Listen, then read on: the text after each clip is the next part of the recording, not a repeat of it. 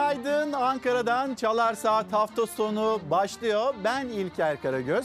Bugün 23 Ekim 2021 günlerden cumartesi. Dileğimiz her zamanki gibi sağlıklı, mutlu, huzurlu bir gün olması.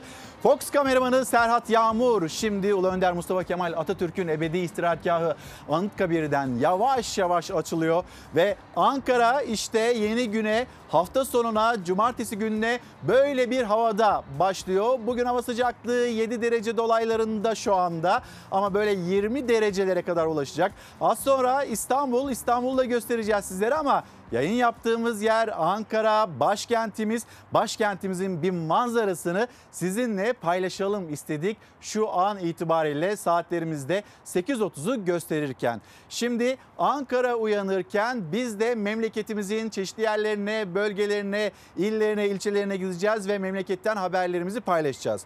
Bugün başlığımız ben size söyleyeyim. Şimdi benim de size söyleyeceklerim var. Hatta konuklarımız olacak. E, Deniz abi, Deniz Zeyrek birazdan yanımda olacak ve yine vergi uzmanı Ozan Bingöl kendisiyle konuşacağız. Mecliste bir bütçe konuşuluyor. Bu bütçe kimden yana? Bu bütçe önümüze nasıl bir tablo koyuyor?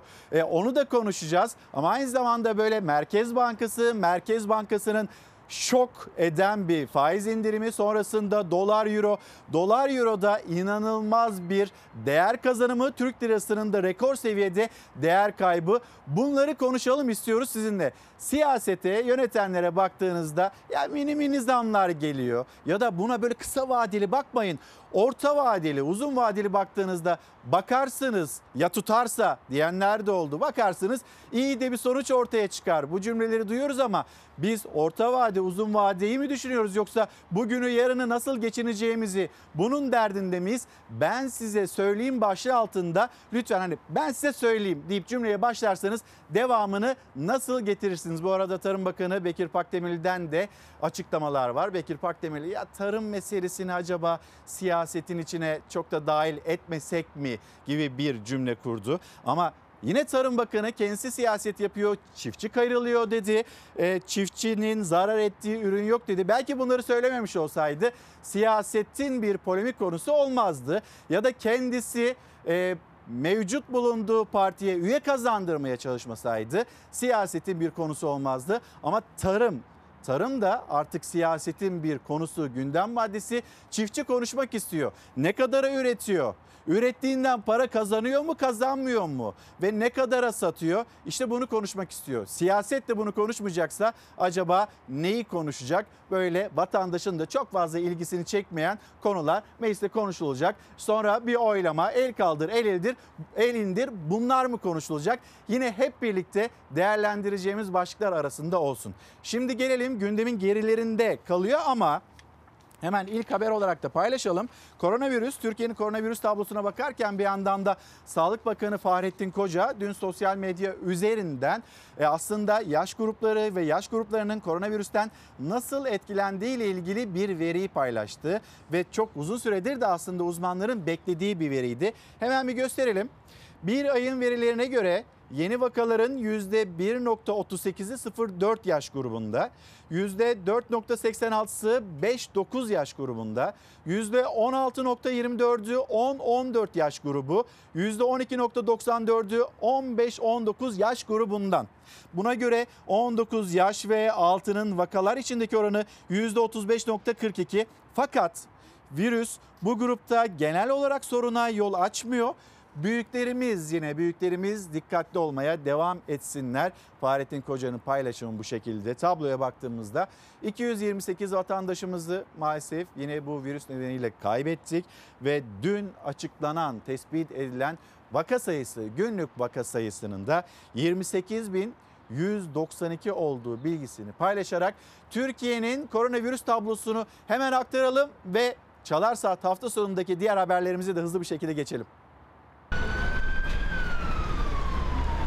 Her gün 200'den fazla kişi koronavirüs nedeniyle hayatını kaybediyor. Vaka sayıları 30 bin bandında. Sağlık Bakanı Fahrettin Koca sosyal medya hesabından ilk kez koronavirüs tanısı konulan çocuk ve genç yaş gruplarının oranlarını paylaştı. Bir ayın verilerine göre yeni vakaların %1.38'i 0-4 yaş, %4.86'sı 5-9 yaş, %16.24'ü 10-14 yaş, %12.94'ü 15-19 yaş grubundan. Buna göre 19 yaş ve altının vakalar içindeki oranı %35.42. Fakat virüs bu grupta genel olarak soruna yol açmıyor. Büyüklerimiz dikkatli olmalı. Sağlık Bakanı Koca'ya göre bulaş zincirinde en önemli halka gençler. Mevcut hastaların %50'sini de artık onlar oluşturuyor. 19 yaş ve altının vakalar içindeki oranı %35,42. En büyük oransa 10-14 yaş aralığında. Bakan Koca çocukların hastalığı daha sorunsuz atlattığının ancak virüsü taşıdıkları yetişkinlerin dikkatli olmaları gerektiğinin altını bir kez daha çizdi. Bir doz aşı uygulananların sayısı 55 milyonu aştı. İkinci doz aşı uygulananların sayısı 48 milyona yaklaştı. Üçüncü dozu tamamlananlarsa henüz 11 milyon bile olmadı. Çift doz aşılama oranında hala çok geride Türkiye. Toplumsal bağışıklığın oluşabilmesi için %80'in üzerine çıkmak gerekiyor. Bizlere günaydın diyen izleyicilerimiz var. Ekrana da yansıyor. Aslında adreslerimiz Instagram adresim e, İlker Karagöz Fox. Kara, e, Twitter adresim de Karagöz İlker. Şimdi bu an itibariyle sizlerden gelen mesajlar onlara da hemen bir bakayım. Mehmet Bey günaydınlar. Şanlıurfa Ceylan Pınar'a selamlarımızı iletelim. Ee, Özlem Demirhan sağ olun teşekkürler. Evet geçen hafta e, Çalar Saat hafta sonunda olamadım. Yayında olamadım. Allah'tan böyle Ezgi'den de rica ettim. Ezgi hemen imdadımıza yetişti. Bir süredir ertelediğim ameliyatım vardı. Sonra hadi artık aklımızdan çıksın dedik ve o ameliyatı olduk. Şimdi sağ olun daha iyiyim. Çok teşekkür ediyorum. Nevin Hanım selamlar. Ayşe Küçük selamlarımı ileteyim yine sizlere de.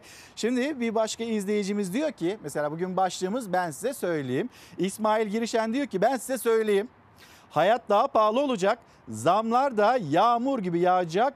Plan e, plan yazmışsınız ama olan olacak herhalde. Olan garibana olacak. İsmail Bey'in göndermiş olduğu mesaj bu şekilde. Evet yani kısa vadede biz bunu göreceğiz ama bize deniliyor ki ya kısa vadede bakmayın bunlar olur. Zaten bu gelen zamlar da bir şey değil ki mini mini geliyor o zamlar. Onlara takılmayın aman deniliyor. Ama biz orta vadede o oh, bütün sorunları da halledeceğiz. Böyle göle de bir maya çalınmış. Öyle değerlendirmeler yapılıyor. Ya tutarsa e ya tutmazsa şimdiye kadar tuttuğunu da görmedik. Hatırlar mısınız böyle seneler seneler öncesinde Merkez Bankası ile ilgili eleştirilerde bulunurken Cumhurbaşkanı Erdoğan şöyle bir e, ifadesi vardı. Ben de bu Merkez Bankası'nın hedeflerinin planlarını tuttuğunu hiç görmedim demişti. E şimdi bakıyoruz o planlara şimdiki Merkez Bankası'na o zaman eleştirilen ama şimdi böyle sürekli başkanının değiştiği Merkez Bankası'na. Şimdi Merkez Bankası'nın acaba hedefleri tutuyor mu? Belki bu konuyla ilgili de yeni bir değerlendirme yapılır. Ankara'yı az önce gösterdik. Şu anda 7 derece 8 derece. Ankara fena da bir hava yok başkentte. Bir de İstanbul'u gösterelim sizlere. İstanbul'da yeni günün nasıl başladığını e, hemen Fox TV'nin merkezinin penceresinden baktığımızda evet İstanbul'da da güzel bir gün başlıyor. Bugün güzel pek çok yerde güzel ama yarın yarın öğleden sonra yavaş yavaş böyle sonbahar mı diyelim kışa giriş mi diyelim o artık havalar da kendisini hissettirmeye başlayacak. Bir tarafıyla güzel diyoruz biz hani bugün hafta sonu güzel tadını çıkartacağız. Belki çocuklarla dışarı çıkacağız, nefes almaya çalışacağız ama diğer tarafı da bunun elbette ki bildiğimiz ve bildiğiniz üzere kuraklık. Bir memleket havası devam edelim.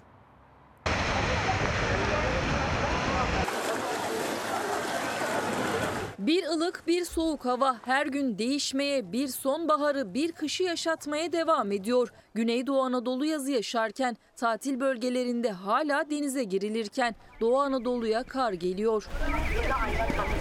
Bugün yurt genelinde yağış beklenmiyor. Hava az bulutlu ve açık olacak. Ancak Marmara, İç Ege, Karadeniz'in iç kesimleri, İç Anadolu ile Doğu Anadolu'nun kuzey ve doğusunda yer yer sisli ve puslu hava. Pazar sabah saatlerinden itibarense kuzey ve iç kesimler Balkanlar üzerinden gelen soğuk ve yağışlı havanın etkisi altına girecek. Hava sıcaklığı 6 ila 10 derece düşecek. Bu ani düşüş hafta ortasına kadar devam edecek. Marmara ve Karadeniz'in batısında yağmur etkili olacak. Kastamonu, Sivas, Gümüşhane, Bayburt, Erzurum ve Kars'ta hava karla karışık yağmurlu. Ardahan'da ise kar yağışlı olacak. Salı günü de devam edecek yağış hafta ortasından itibaren etkili olduğu illeri terk edecek. Yurt genelinde sıcaklık yeniden az da olsa yükselecek. Yurdun tamamı yeniden güneşli havanın tadını çıkaracak. Nuray Nuray Hanım günaydınlar. Ee, Nuray Dinçkurt'tan gelmiş. Ben size söyleyeyim. Hani böyle orta vade, kısa vade, uzun vade hiç buralara takılmadan burada yaşanılan bir sorun varsa bunun da çözümü artık erken bir seçim, seçmenin önüne sandığın getirilmesidir. Görüşünü dillendiriyor. Şimdi ama bir yandan da böyle siyaset, siyaset kulislerine bakıldığında İrfan hemen bir tabloyu getirelim mi ekranlara? Hani dolar ne kadar oldu, euro ne kadar oldu, gram altın ne kadar oldu bir paylaşalım. Böyle bir tablonun içindeyken iktidarın da aslında bir erken seçime gitmesinin çok mantıklı olmayacağını, iktidarın da bunu istemeyeceğini dillendirenlerin sayısının çok daha fazla olduğunu yine hep paylaşmış olayım. Nuray Hanım, Nuray Dinçkurt erken seçim olmalı derken diğer tarafta siyaset buradaki işte tele hiç de basmıyor. Dolar 9 lira 61 kuruş seviyesinde. Dolar bu kadar Türk lirası inanılmaz tarihi rekor bir değer, değer kaybı içinde. Hep doları konuşuyoruz. Dönüp baktığımızda euroya euronun da 11 lira 18 kuruş olduğunu paylaşalım ve gram altın gram altında 553 lira 560 liraları da gördü. 1 gram altın 560 liraları gördü. İrfan Şimdi yavaş yavaş gazetelere geçelim mi? Bir Sözcü gazetesi diyelim mesela. Sözcü gazetesi merkez faizi indiriyor, kredi faizleri inmiyor. Şimdi böyle bir değerlendirme aslında Kasım ayı için bir planlama, bir düzenleme yani kamu bankalarında acaba konut faizlerinde bir indirim, tüketici faizlerinde bir indirim olur mu? Hani bu kredilerdeki indirimlerin konuşulduğu bilgisini de yine şimdiden ben size söylemiş olayım. Dolar 9 lira 65 kuruşu gördüğü yoksullaşan halk krediye muhtaç ama o da el yakıyor. Merkez Bankası son bir ayda iki kez toplam %3'lük faiz indirimi yaptı. Politika faizi %16'ya indi ancak bu indirimi mevduat faizine uygulayan bankalar ne yazık ki kredi faizlerine yansıtmadı. Halkın tüketici, konut, araç ve ticari kredi faizlerinde henüz bir indirim yok.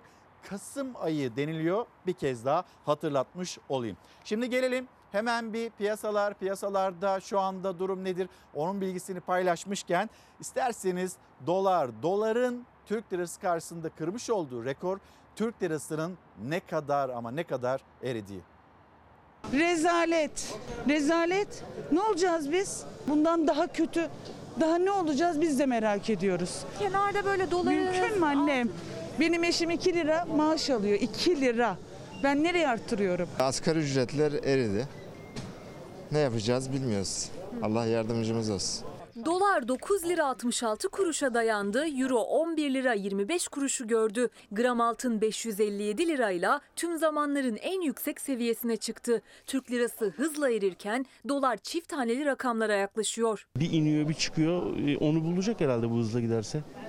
Allah sonumuzu hayretsin. İnsanların kafalarında soru artık 10 bin mi olacak 12 mi olacak? Acaba nereye gidecek? Korku var piyasalarda. Merkez Bankası'nın vermiş olduğu karar çok yanlış bir karar. Merkez Bankası'nın beklenmedik şekilde sert faiz indirimi kararı sonrası hareketlenen kapalı çarşının ayaklı borsasında bugün de faiz indirimi kararının etkileri görünüyor ki dolar şu saatlerde 9 lira 60 kuruştan işlem görüyor. Türkiye son 2,5 yılın en yüksek enflasyonunu yaşamasına rağmen Merkez Bankası'nın faizi %16'ya indirmesi piyasaları alt üst etti. Sene başından bu yana Türk lirasının değer kaybı %20'yi aştı. Borcu olan zaten yandı. Dolar borcu olan yandı. Ben esnafım. Mal alırken sıkıntı yaşıyorum. Satarken sıkıntı yaşıyorum. Firmalar ham madde alırken sıkıntı yaşıyorlar. Günlük fiyatlar değişiyor. Müşteriye mal satarken sıkıntı yaşıyoruz. Giderlerimiz devamlı artıyor. Yani nasıl yapacağız, nasıl çıkacağız bilmiyorum işin içinden. E Böyle dolar arttıkça her şeyin fiyatı artıyor. Yarın bir gün mazota benzine tekrar zam gelecek. Mazota benzine gelince her şeye geliyor.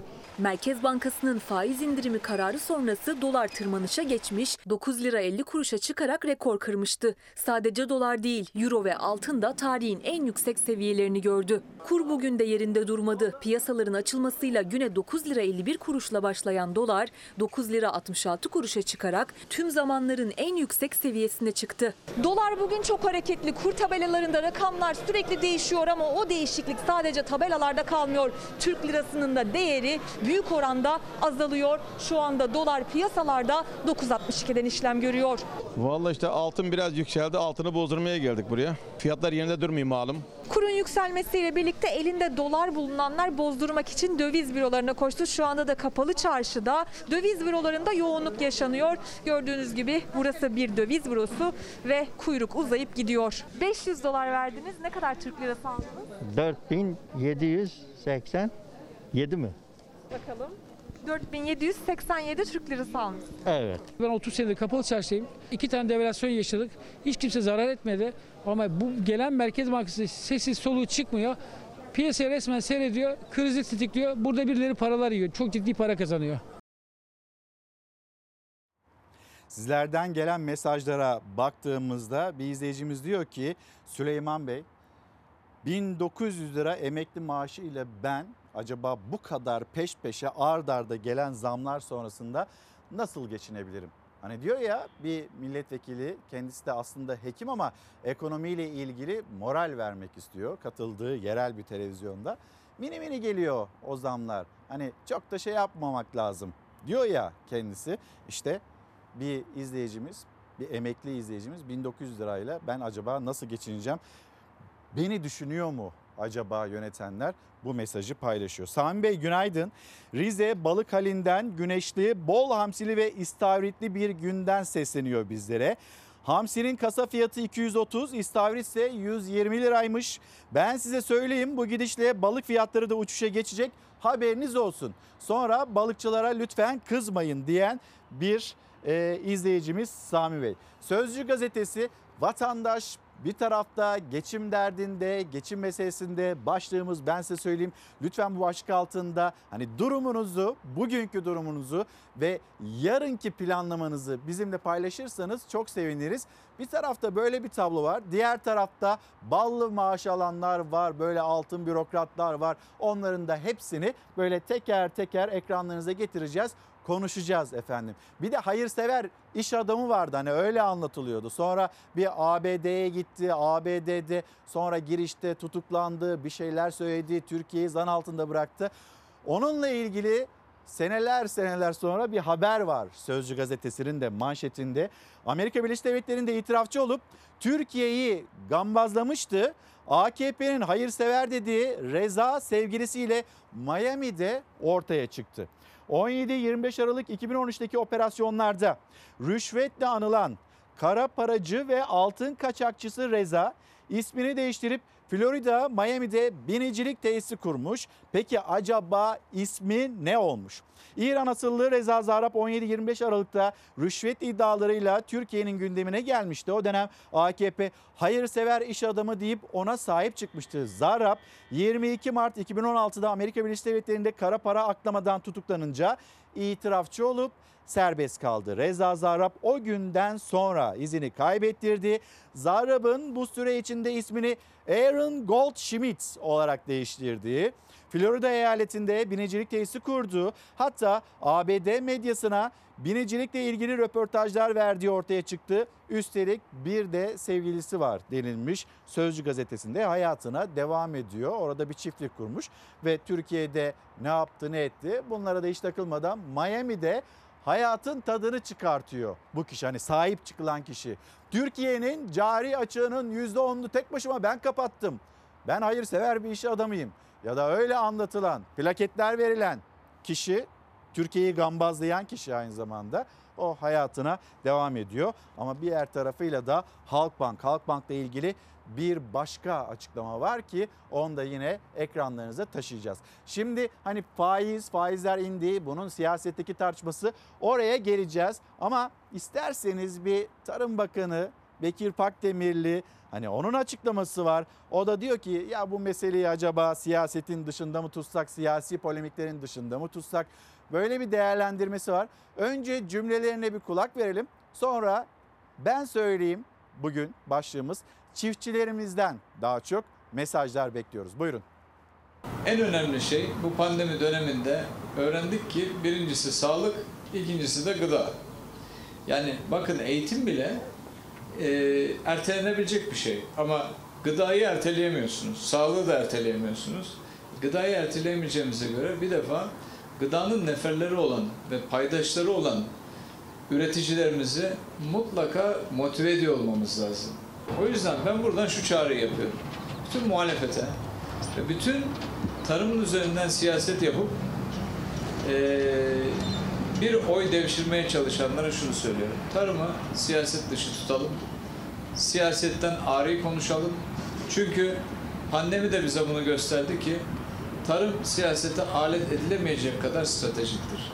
Uçaklarınız olabilir, roketleriniz olabilir, silahlarınız olabilir ama yiyecek ekmeğiniz yoksa bunların bir anlamı yok. O yüzden yiyecek ekmek davasında bizim çok daha e, sorumlu davranıyor olmamız lazım. Nasıl her gün orduyu günlük siyasetin içerisine karıştırmıyorsak yiyeceğimiz ekmeği de günlük siyasetin içerisine karıştırmamız lazım. Eleştiri olmayacak mı? Elbet eleştiri de olacak.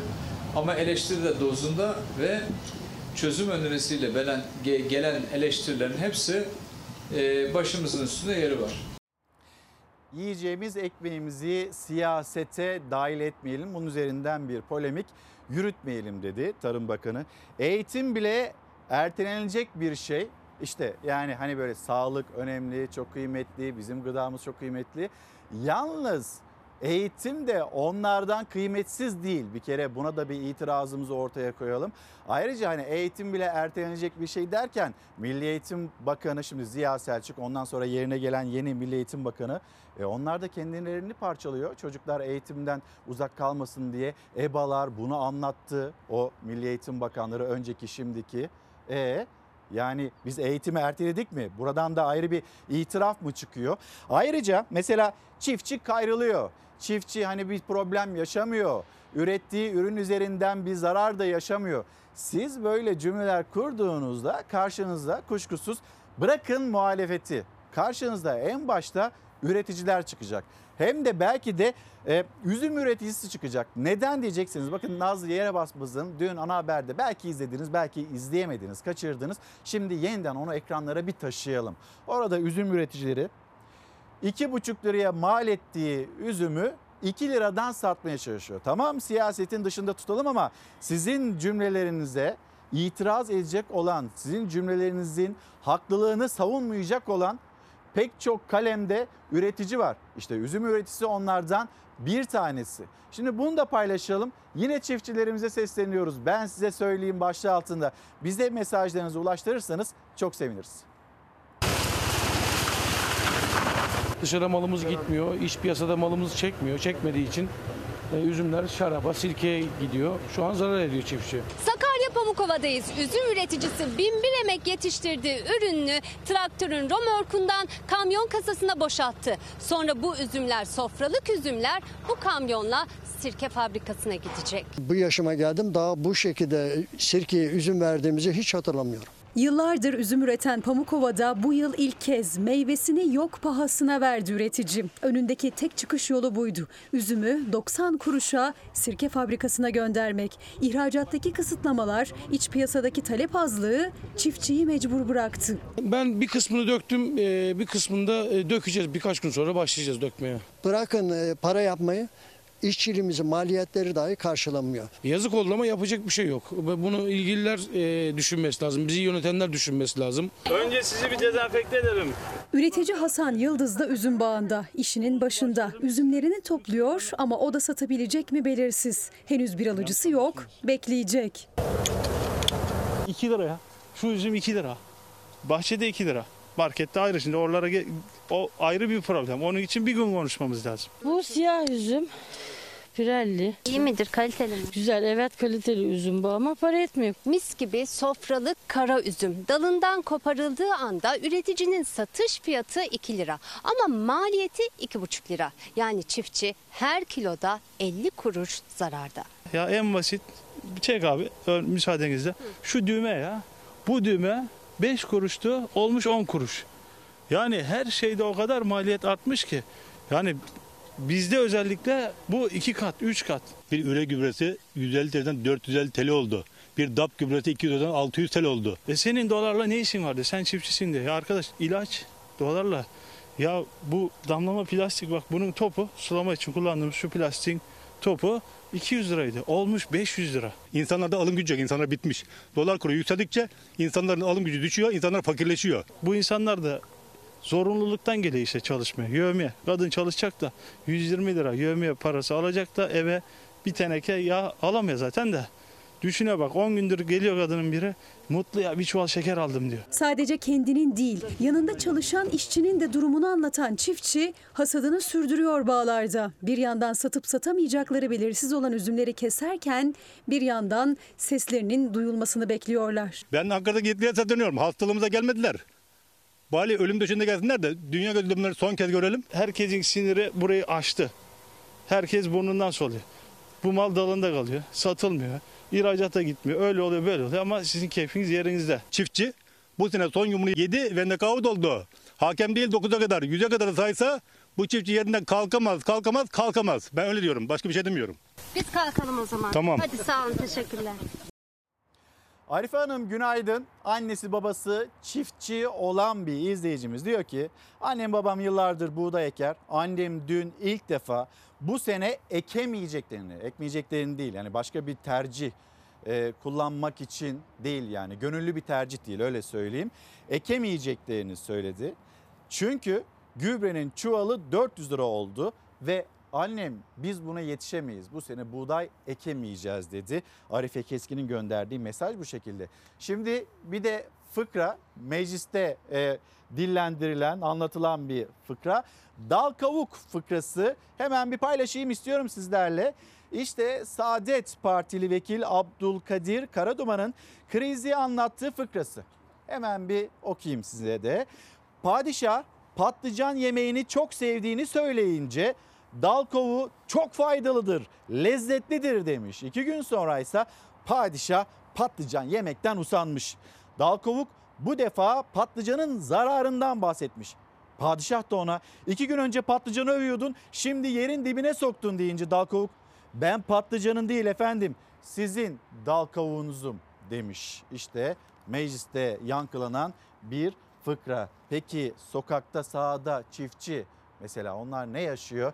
Hemen bir Diyarbakır'a gidelim de orada hani pekmez üreticisinin karşı karşıya kaldığı durumu da aktaralım.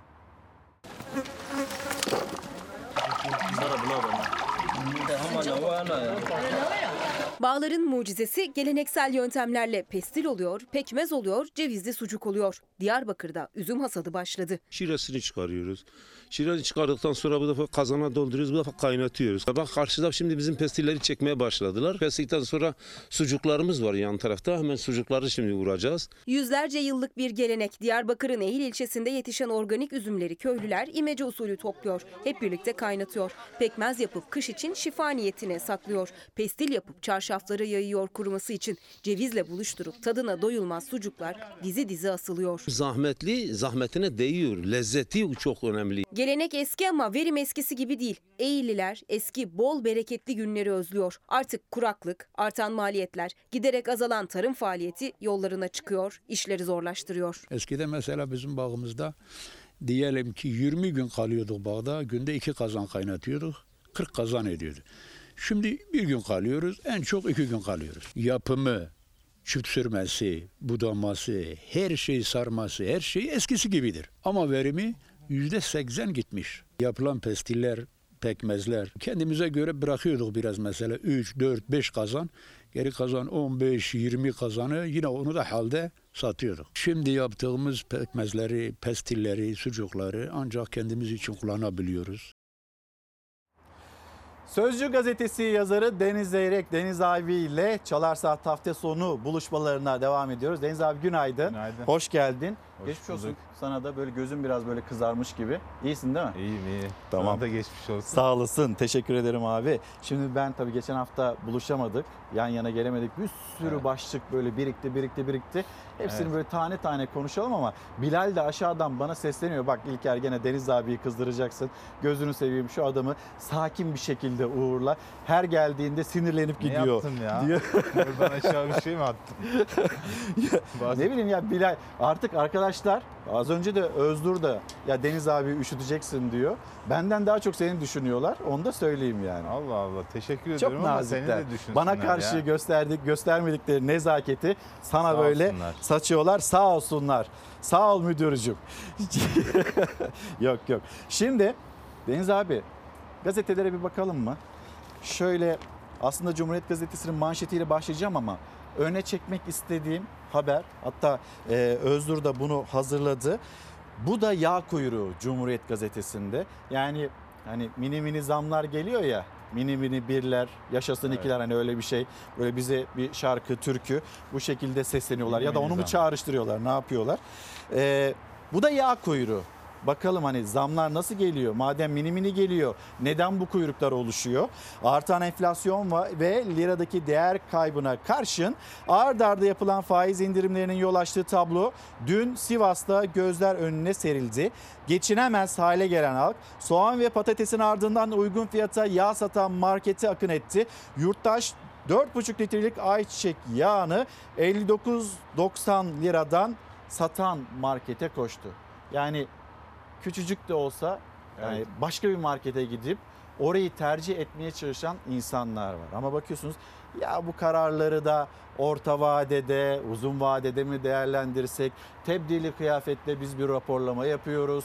Halkın arasındayız. Neden tebdili kıyafet? Nasıl bir orta vade? Bunları konuşacağız ama bir Sivas'a gidelim mi Deniz abi? Bir Tamam. Sivas'a gidelim de sonra ben Deniz abiyi sinirlendirmeden ben size söyleyeyim başlığı altında görüşlerini alayım. Sivas'ta toptan satış yapılan bir zincir market. Sıra ucuz ayçiçek yağı sırası. Sırada bekleyen onlarca kişi.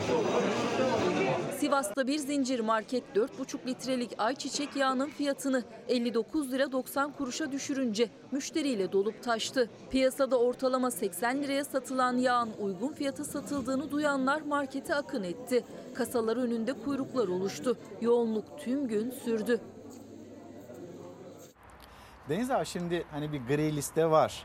Elçiler krizi var. Cumhurbaşkanının yanıtı var. F-35'ler bunun ödemesi var. Sonra finansman konusunda ABD acaba Türkiye'ye bir teklifte bulundu mu bulunmadı mı var. Roma'da ne konuşulacak var. Bürokratlar tartışması var. Siyasi suikastler olabilir çıkışı var. Hepsi bir kenara. Kimsenin umurunda değil biliyor musun? İşte bu kadar. İşte Sivas karşımıza Tabii, tabii, çıkan tablo. tabii. Ya o kadar önemli ki. Yani bu bunu anlamak için bu 59 liralık sayı, e, ayçiçek yağını almak için sıraya girme duygusunu anlamak için gerçekten e, zor yaşamak lazım İlker. Ben hatırlıyorum gençlik yıllarımız çocuk daha yeni doğmuş. E, mağaza mağaza dolaşır. Bu ıslak mendil var ya ıslak mendil, bebek bezi ve mama. Onların fiyatlarını kontrol Şimdi onlar ederdi. alarmlı. Tabii tabii. Artık onlara al- alarm bakardık böyle işte. Islak mendil burada 3 liraya satılıyor. Daha ucuz. İşte bebek bezi şu kadar.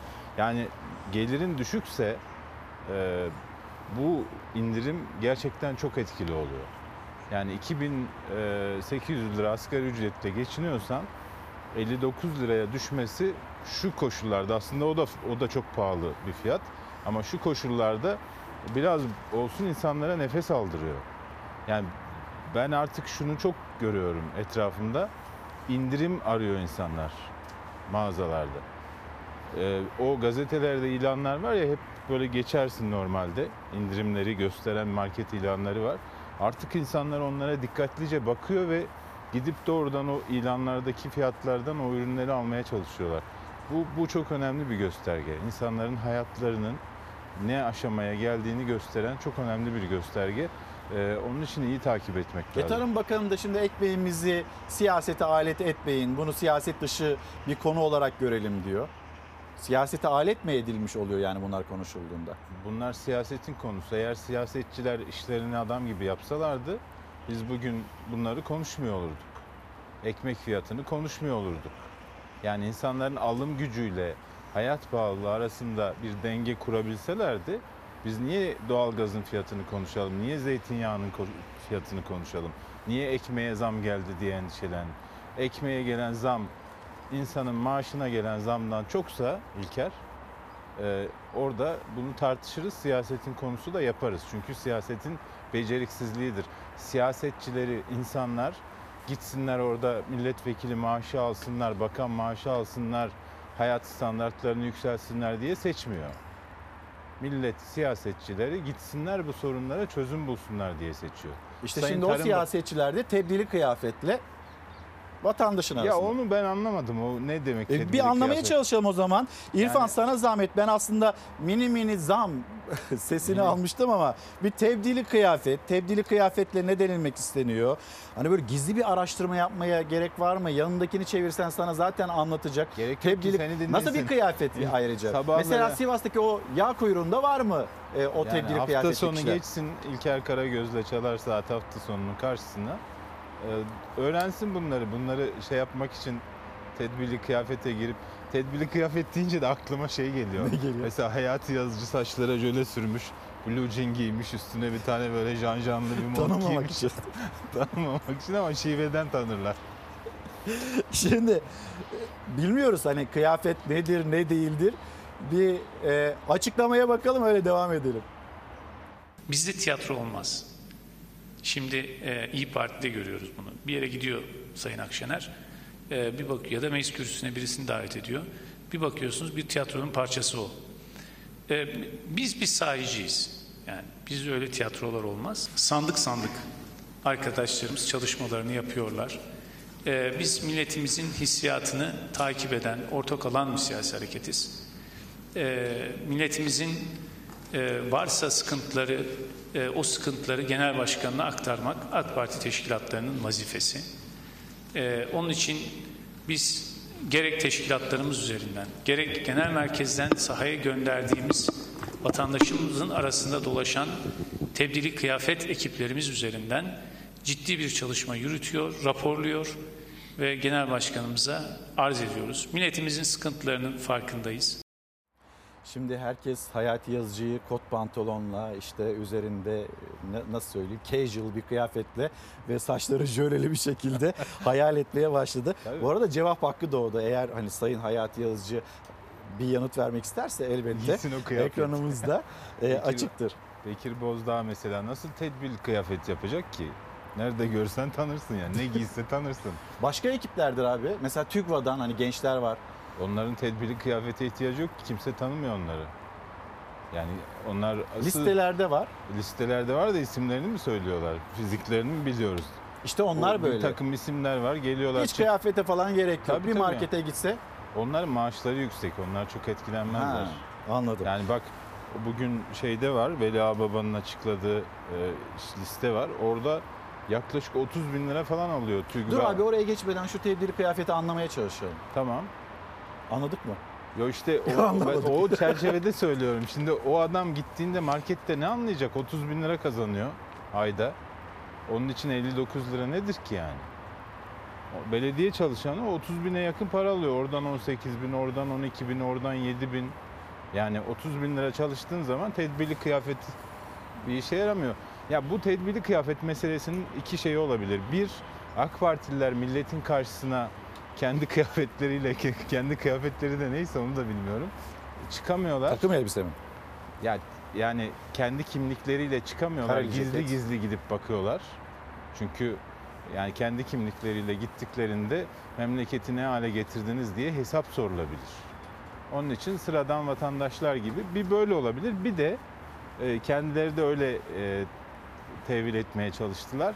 İşte e, atıyorum işte Yozgat'taki milletvekillerinin il teşkilatının Yine çalışıp sözü çalışmadığını Bekir Bozdağ getireceksin Yozgat deyip. işte Evet Bekir abi. Bozdağ'ın çalışıp çalışmadığını İzmir'deki teşkilat mensupları gidip Yozgat'ta kontrol edecek.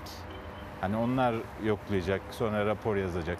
Bu, bu yani 20. yılında AK Parti bu hale gelmişse e, vay hallerine yani gerçekten e, anlaşılır gibi değil. Yani Şimdi tabii böyle büyük büyük maaşlar alanlar gelen zamlara mini mini bir kuş şarkısıyla yaklaşıyor olabilirler. Şimdi o açıklamayı hani hiçbir şey olmasa bile kesinlikle bir şey oldu ama biz fark edemedik. Fark Unutulmaz. ediyoruz artık. Artık inanılmaz fark ediliyor tabii. En azından ekonomi kısmında bayağı bir fark ediliyor. E sonra işte kuru ekmek bulabiliyorlarsa aç, Aç değiller. değillerdir. Ya zam geliyor ama mini mini geliyor. Çok da şey yapmamak lazım gibi açıklamalar. Bence bu da unutulmayacak. O açıklamaya bakalım. şunu söyleyeceğiz ki Türkiye'de o kadar pahalı benzin yok. Doğalgaza zam yapıyorsunuz da falan. Efendim Ocak ayından bu yana Sıfır. 8 kez zam geldi doğalgaza. Ha, ama ay, ay, tamam gelebilir de mini mini gelmiş. Ha, bir de demek şöyle ki. bir eleştiri Hayır hayır mini mini. Tabii, tabii. Bir de Mücahit Bey kardeşim bir dakika. Evet. Mini mini gelmiş zam, zam demek ki 2 nokta e, yani yüzde 15 bir zam gelmiş. Ama Avrupa'ya bakıyorsunuz İngiltere'ye vesaireye e, şurada fiyatlar var. Bakın Hollanda, İsveç'te 3 kat artmış fiyatlar. Zam yapılmıyor değil yapılmak zorunda. Çünkü kaleciye top gelince biraz böyle yumuşatır ya göğsüyle. Hükümet aynen şu anda onu yapıyor. Sayın Cumhurbaşkanımız o böyle topu alıyor biraz göğsünde yumuşatıyor. Yani biraz absorbe ediyor. Sonra artık taşıyamayacak hale gelince yükü mecburen yansıtıyor. İşçinin, memurun, asgari ücretlerin de maaşlarını öyle mini mini yapıverseler aslında hani tarif Evet. ettiği şekilde mini mini e, şekilde yapılsa ne güzel olacak. Mesela e, o kadar da böyle benzin fiyatları pahalı değil diyor Sayın Milletvekili. Acaba ne kadar pahalı? Bunu da bir anlayalım. Son bir yılda 9 kez benzine zam. Toplam yüzde de e, yüzde 16.15'i buluyor.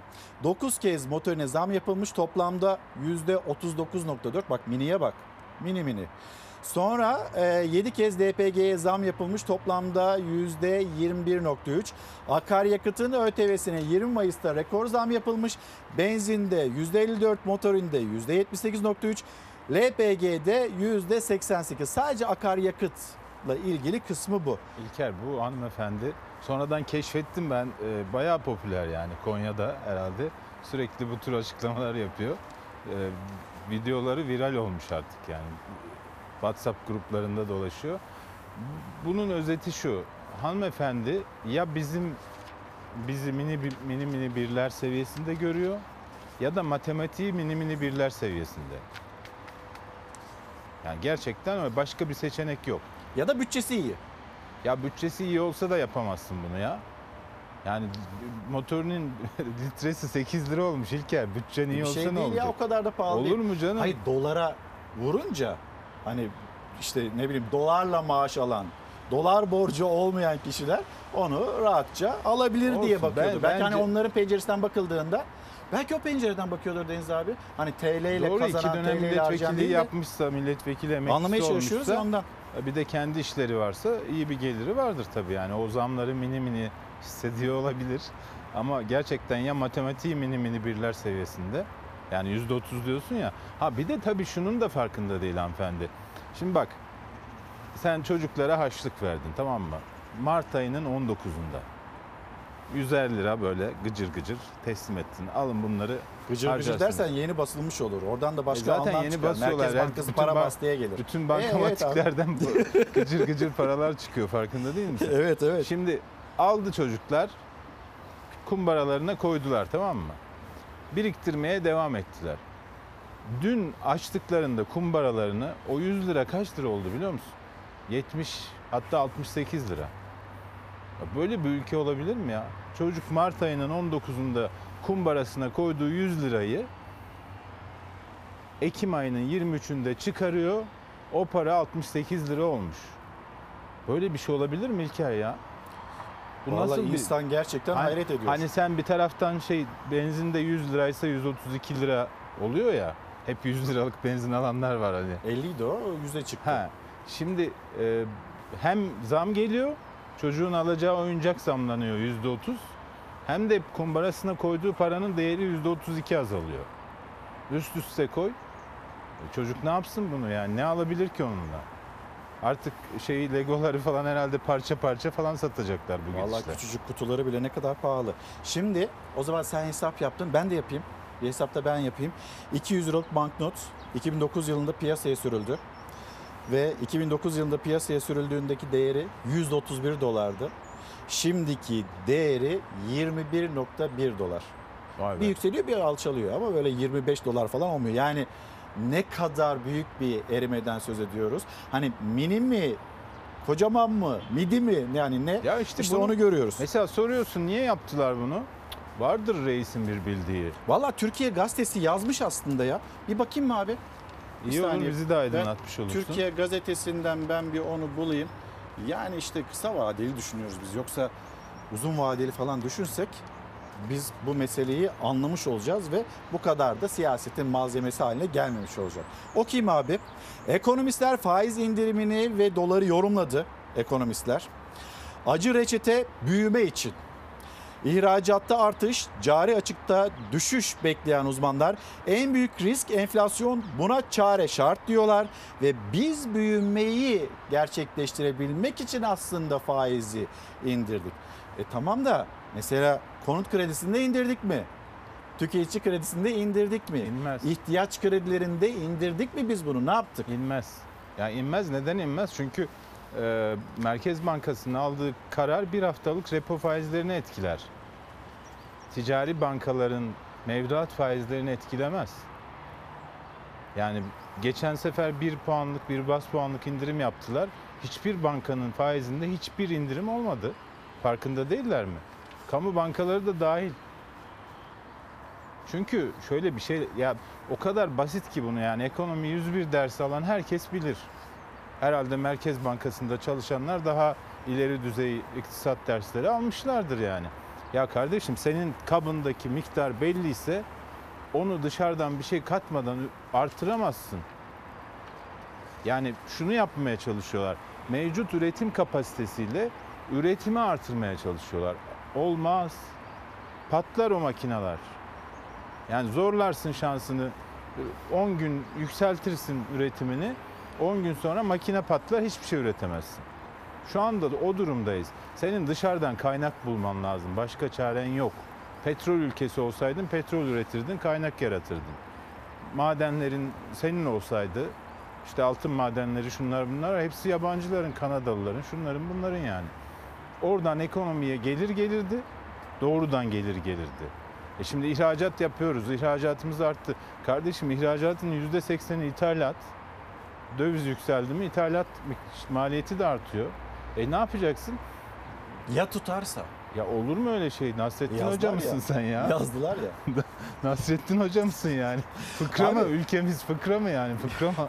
İşte az önce bir fıkra okudum.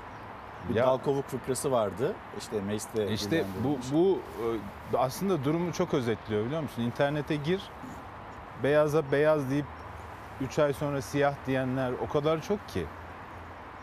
Yani hani Sayın Cumhurbaşkanı nasıl görüş değiştiriyorsa Türkiye'de görüş değiştiren insanlar o kadar çok ki. Böyle şak diye 10 milyar dolar satılsa sonra böyle durulsa ne oluyor? Demek ki bunların Birileri 10 oradan milyar para doları kazanır. var. Sonra bir daha bir daha Özgür Demirtaş böyle bir ekonomi e, vaziyetiyle karşı karşıya kalmıştı ya. E, Böyle böyle şeyler yapacak kapasitede olanlar var ülkede yani. Yani ya burada bizim ilacımız şu. Üretim kapasitesini artırmak zorundayız tamam mı? Bu tastakini çoğaltmak zorundayız. Bu ekonomi yaklaşımıyla çoğalmaz. Parçalanır, yok edersin yani zorlam. İncir çekirdeğine z- eziyet ediyorsun doldurmak için. Dolmuyor yani. Bu, bu, bu kadar şey. Şimdi İçişleri Bakanı Süleyman Soylu ekonomiyle ilgili konuşuyor. Mesela 25-26 dönem Konya Milletvekili Hüsnü Erdoğan işte mini mini diyor bir şeyler söylüyor en azından ekonomiyle ilgili. Cahit Özkan E, işte Sayın orta Bakan vadede, Temmuz'da uçacağız vadede- demişti. İşte Merkez Bankası Dolar hani- uçtu, biz uçamadık.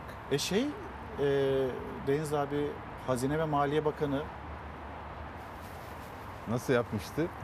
Koy bir kenara, dolar artacak, arttı işte. Ne dolar olacak? 11 lira olacak ya 11 lira olacak ya. Hani O- öyle bir şey. Ha, 7 lira olacak ya, 8 lira olacak ya. Oldu.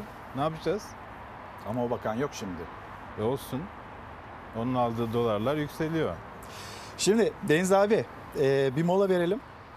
Ondan sonra moladan sonra devam edelim. Sonra şu hani e, Cumhuriyet Gazetesi'nde manşeti var. Ensar, Türgev, TÜGVA hani nedir? Orada maaş alanlar var.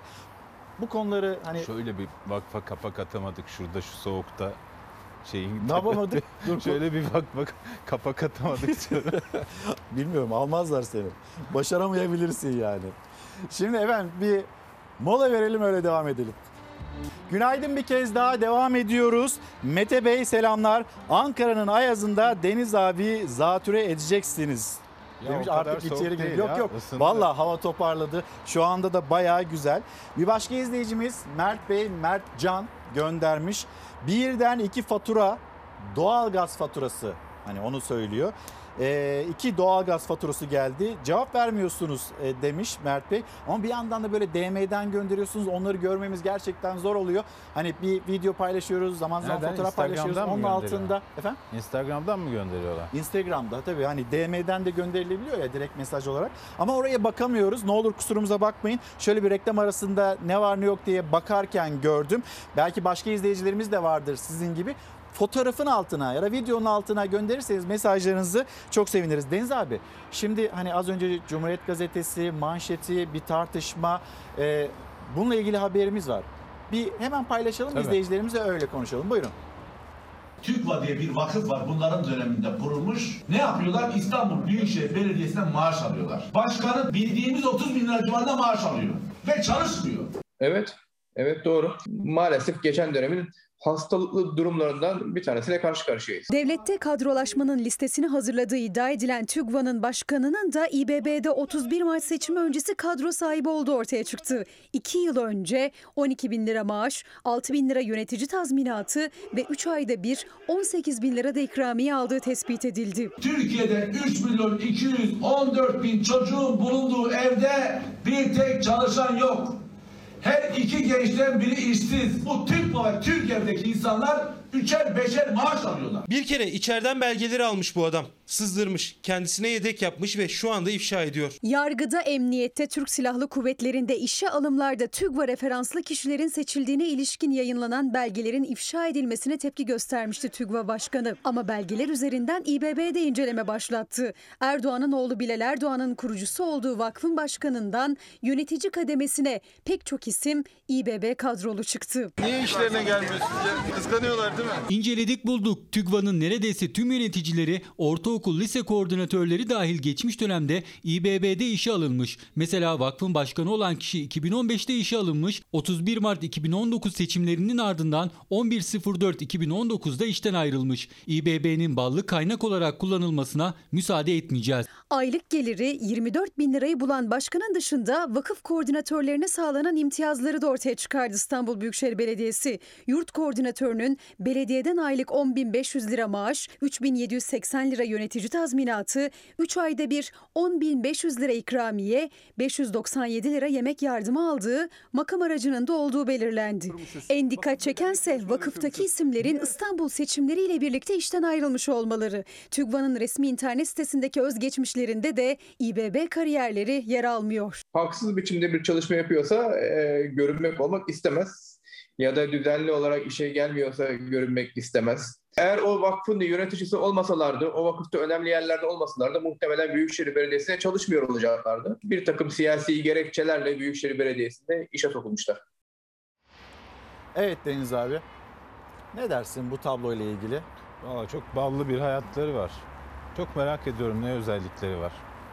Yani hangi vasıflarıyla bu ballı hayatı Ne yaşıyorlar. olabilir ortak özellikleri? Herhalde Kartal İmam Hatip Lisesi falandır yani. Ya böyle bir, şimdi bak vakıf nedir biliyor musun? Vakıf kendi imkanlarını ihtiyaç sahiplerine ulaştırmak için kurulan bir aracı yapıdır. Yani sen, sen zenginsindir, varlıklısındır. O varlıklarının bir kısmını ihtiyaç sahipleriyle paylaşmak istiyorsundur. Bunun için kurarsın. Ha ihtiyaç sahibi sadece insan mıdır? Değil. Kuşları beslemek için bile vakıf kuranlar olmuş Osmanlı zamanında. Yani o parklardaki kuşlara yem alabilmek için bile vakıf kuranlar olmuş. Buradaki zihniyet ne? Buradaki zihniyet şu.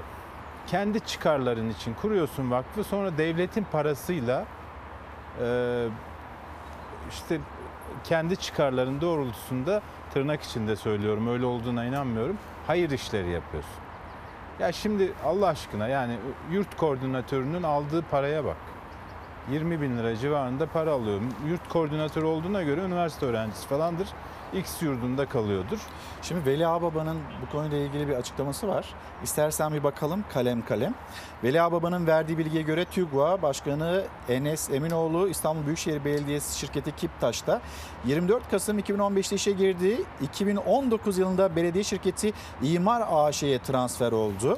O dönemde her ay 12 bin lira maaş, 730 lira sosyal yardım, 6 bin lira yönetici tazminatı ve 3 ayda bir de 18 bin liralık ikramiye aldı. Listede daha pek çok TÜGVA'cı bulunuyor. Bu arada hani bu listeler, bu isimler, bu tartışma gazeteci Metin Cihan ve Me- Metin Cihan'ın yapmış olduğu paylaşımlardan sonra siyasetin gündemine girdi ve çokça da konuşuluyor. Metin Cihan artık ben yetişemiyorum deyip de o kendisine gelen bilgileri de diğer gazetecilere yine açtı. Kendisinin ismini de çünkü burada büyük bir Evet. gazetecilik başarısı var. Kendisinin ismini de geçirmek istedim. Şimdi bak burada bu arkadaşımız TÜGVA Başkanı belediyeden 4 senede 1.1 milyon lira maaş almış. Yani hani diğer gelirleriyle birlikte belediyenin kasasından 1 milyon 100 bin lira çıkmış. Bu beyefendinin cebine girmiş. Açıklanan rakamlar onu gösteriyor. Eğer ayda 24 bin lira kazanıyorsan oradan ortalama 4 yılda çalışmışsan 1.1 trilyon eski parayla. Yeni parayla 1.1 milyon. Belediye için 1.1 milyon liralık ne yapmış? Bunlar bir de muhafazakar geçiniyorlar biliyor musun? O 1.1 milyon lira tüyü bitmemiş yetimin hakkı, kul hakkı. Kul hakkı yiyorlar. Ne özelliğin var senin?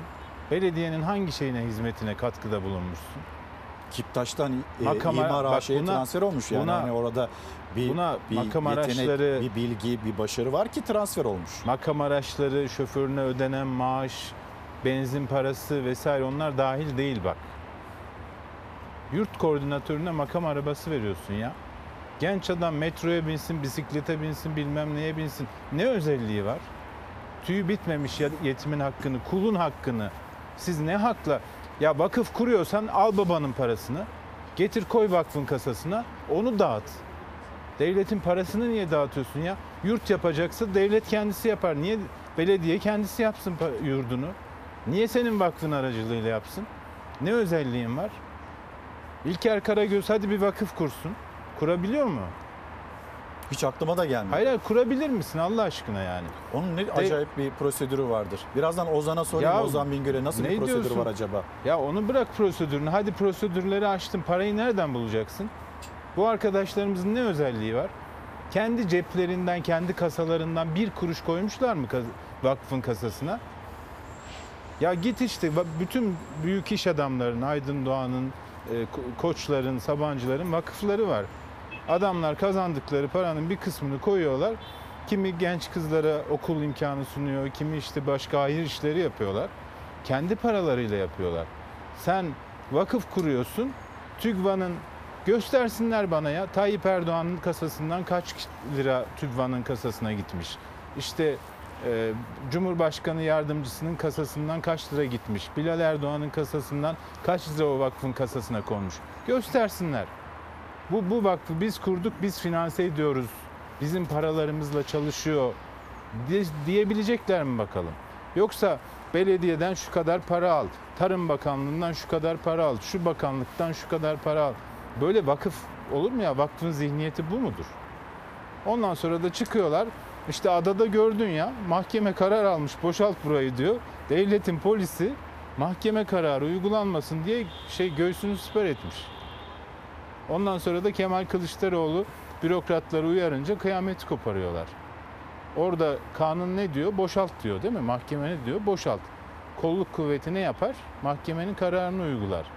Kolluk kuvvetine talimat veren, emir veren bürokrat mahkeme kararını tanımıyorsa başka bir noktada duruyordur yani. Onu onu hani izah etmek bizim zekamızla mümkün değil yani. Valla ben tatlı tatlı hani öyle oluyor böyle oluyor özetleyip haberleri de anlatmaya aktarmaya çalıştım. Sorularımı da sordum. Mini mini. Mini mini. Mini mini anlatırken yine sinirlendin. Şimdi bir konu daha var onu da yarına Yok bırakayım. zaman. sinirlenmedim ya vallahi sinirlenmedim. Ben bir ara sanki böyle bir tansiyonu yükseldi gibi Yok oldu. yok ya ben ben bu kul hakkı konusunda şeyim. Ya dü- düşün dinimizde bile ya kul hakkı yemişsen hiçbir affı yok biliyor musun? Yani şehit bile olsan kul hakkı yemişsen onun bir bedeli oluyor. Yani bütün suçlar affediliyor. Kul hakkı e, yemenin suçu affedilmiyor. Yapmayın gözünüzü seveyim ya. 81 milyon insan yaşıyor. 3,5 milyon çocuğun bak o rakam önemli bir rakam. 3,5 milyon çocuğun yaşadığı evlerde tek bir çalışan yok. Bu ne demek biliyor musun? O eve 3,5 milyon çocuğun yaşadığı eve bir kuruş girmiyor. Ve sen böyle bir zamanda gidiyorsun belediyenin 1.1 milyonunu maaş diye cebine indiriyorsun. Deniz abi e, ben hani geçen hafta değil- ondan böyle birkaç gün önce hastaneye gittim. Orada işte hani operasyondan önce ameliyattan önce PCR testi de vermek gerekiyor ya. Orada PCR testi bankosunda duran bir e, arkadaşımız vardı. Kızları Cansu ve Yağmur onlar da hani yaşları küçük ama onlar da dikkatli hafta sonları bizi izliyorlarmış. Hem sana hem de bana selamları vardı. Hemen bir onlara da selam göndermiş olalım. Buradan Buradan onları selam. Onları unutmadık. Onları hatırlıyoruz. Bir de Kars'ta Kars'ta öğretmenlerimiz Deniz Zeyrek aracılığıyla bir selam göndermişsiniz bizlere. Selamınızı aldık. Çok sağ olun. Çok teşekkürler. Deniz abi yarın devam edelim Yarın mi? görüşelim. Tamam yarın devam edelim. Saatler 9'u gösterdiğinde Deniz abiyle sohbetimize. Şimdi Merkez Bankası faizi indirdi. Sonra dolar aldı başını gitti. Euro aldı başını gitti. Tamam ama hani bizim böyle ihtiyacımız olan konut kredisi ya da ne bileyim tüketici kredisi burada bir değişim, bir indirim var mı yok mu ki Kasım'da olacağı da söyleniyor. Buna dair bir haber sonrasında vergi uzmanı Doktor Ozan Bingöl yanımda olacak. Merkez Bankası geçen ay ve bu ayı topladığımızda 3 puanlık bir faiz indirimini yaptı. Peki sonucu ne oldu? Bahsetmiyorlar ama çok önemli bir gerçek oluştu. Geçen aydan bu aya hazinenin borçlanma faizleri bir ay içerisinde %17,5'dan %20,5'a çıktı. Diyor ki şahlandık da şahlandık. Recep Tayyip Erdoğan'ın yönetiminde bir dolar 10 lira oldu tam 10 kat fakirleştik. Hazinenin borçlanma maliyeti de olağanüstü bir şekilde artmıştır. Bu bir kriz halidir. Merkez Bankası faiz indirimine gitti, döviz kurları fırladı, Türk lirası serbest düşüşe geçti. Muhalefet faiz kararından sonra ortaya çıkan bir detaya dikkat çekti. Merkez Bankası faiz oranını indirdi ama hazinenin içeriye dışarıya borçlanma faizi yükseldi. %20'yi geçti. Hazinenin 10 yıllık borçlanma faizi tam 3 puan arttı. Hem de uzun vadeli 10 yıllık faiz arttı. 10 yıl vadeli borçlanırken her sene her sene bu faizi ödeyeceğim demek ha. Bu milletin, bu devletin bütçesinden ödediği faiz. Yıl başında TL cinsinden Türkiye'nin dış borcu 3 e, trilyon 187 milyar liraydı. Şu anda 953'e göre söyleyeceğim 4.3 trilyon lira. Yani %33,5 yılın başına e, göre bir artış var. Dış borçlarımızın Türk lirası karşılığında. Faizdeki 2 puanlık indirim ve sonrasında yaşananların hesabını böyle yaptı muhalefet. Ali Babacan, Merkez Bankası faizi %18'den %16'ya düştü. Ama bu kez de hazinenin borçlanma faizi %17,5'tan %20,5'e yükseldi dedi. Fatura ağır oldu, borcumuz katlandı çıkışı geldi. Bu yıl bütçede arkadaşlar tam 180 milyarlık faiz ödemesi var. Gelecek sene 240 milyar. Daha sonraki sene 290 milyar lira bu devlet faiz ödeyecek. Eski parayla katrilyon ha bunlar.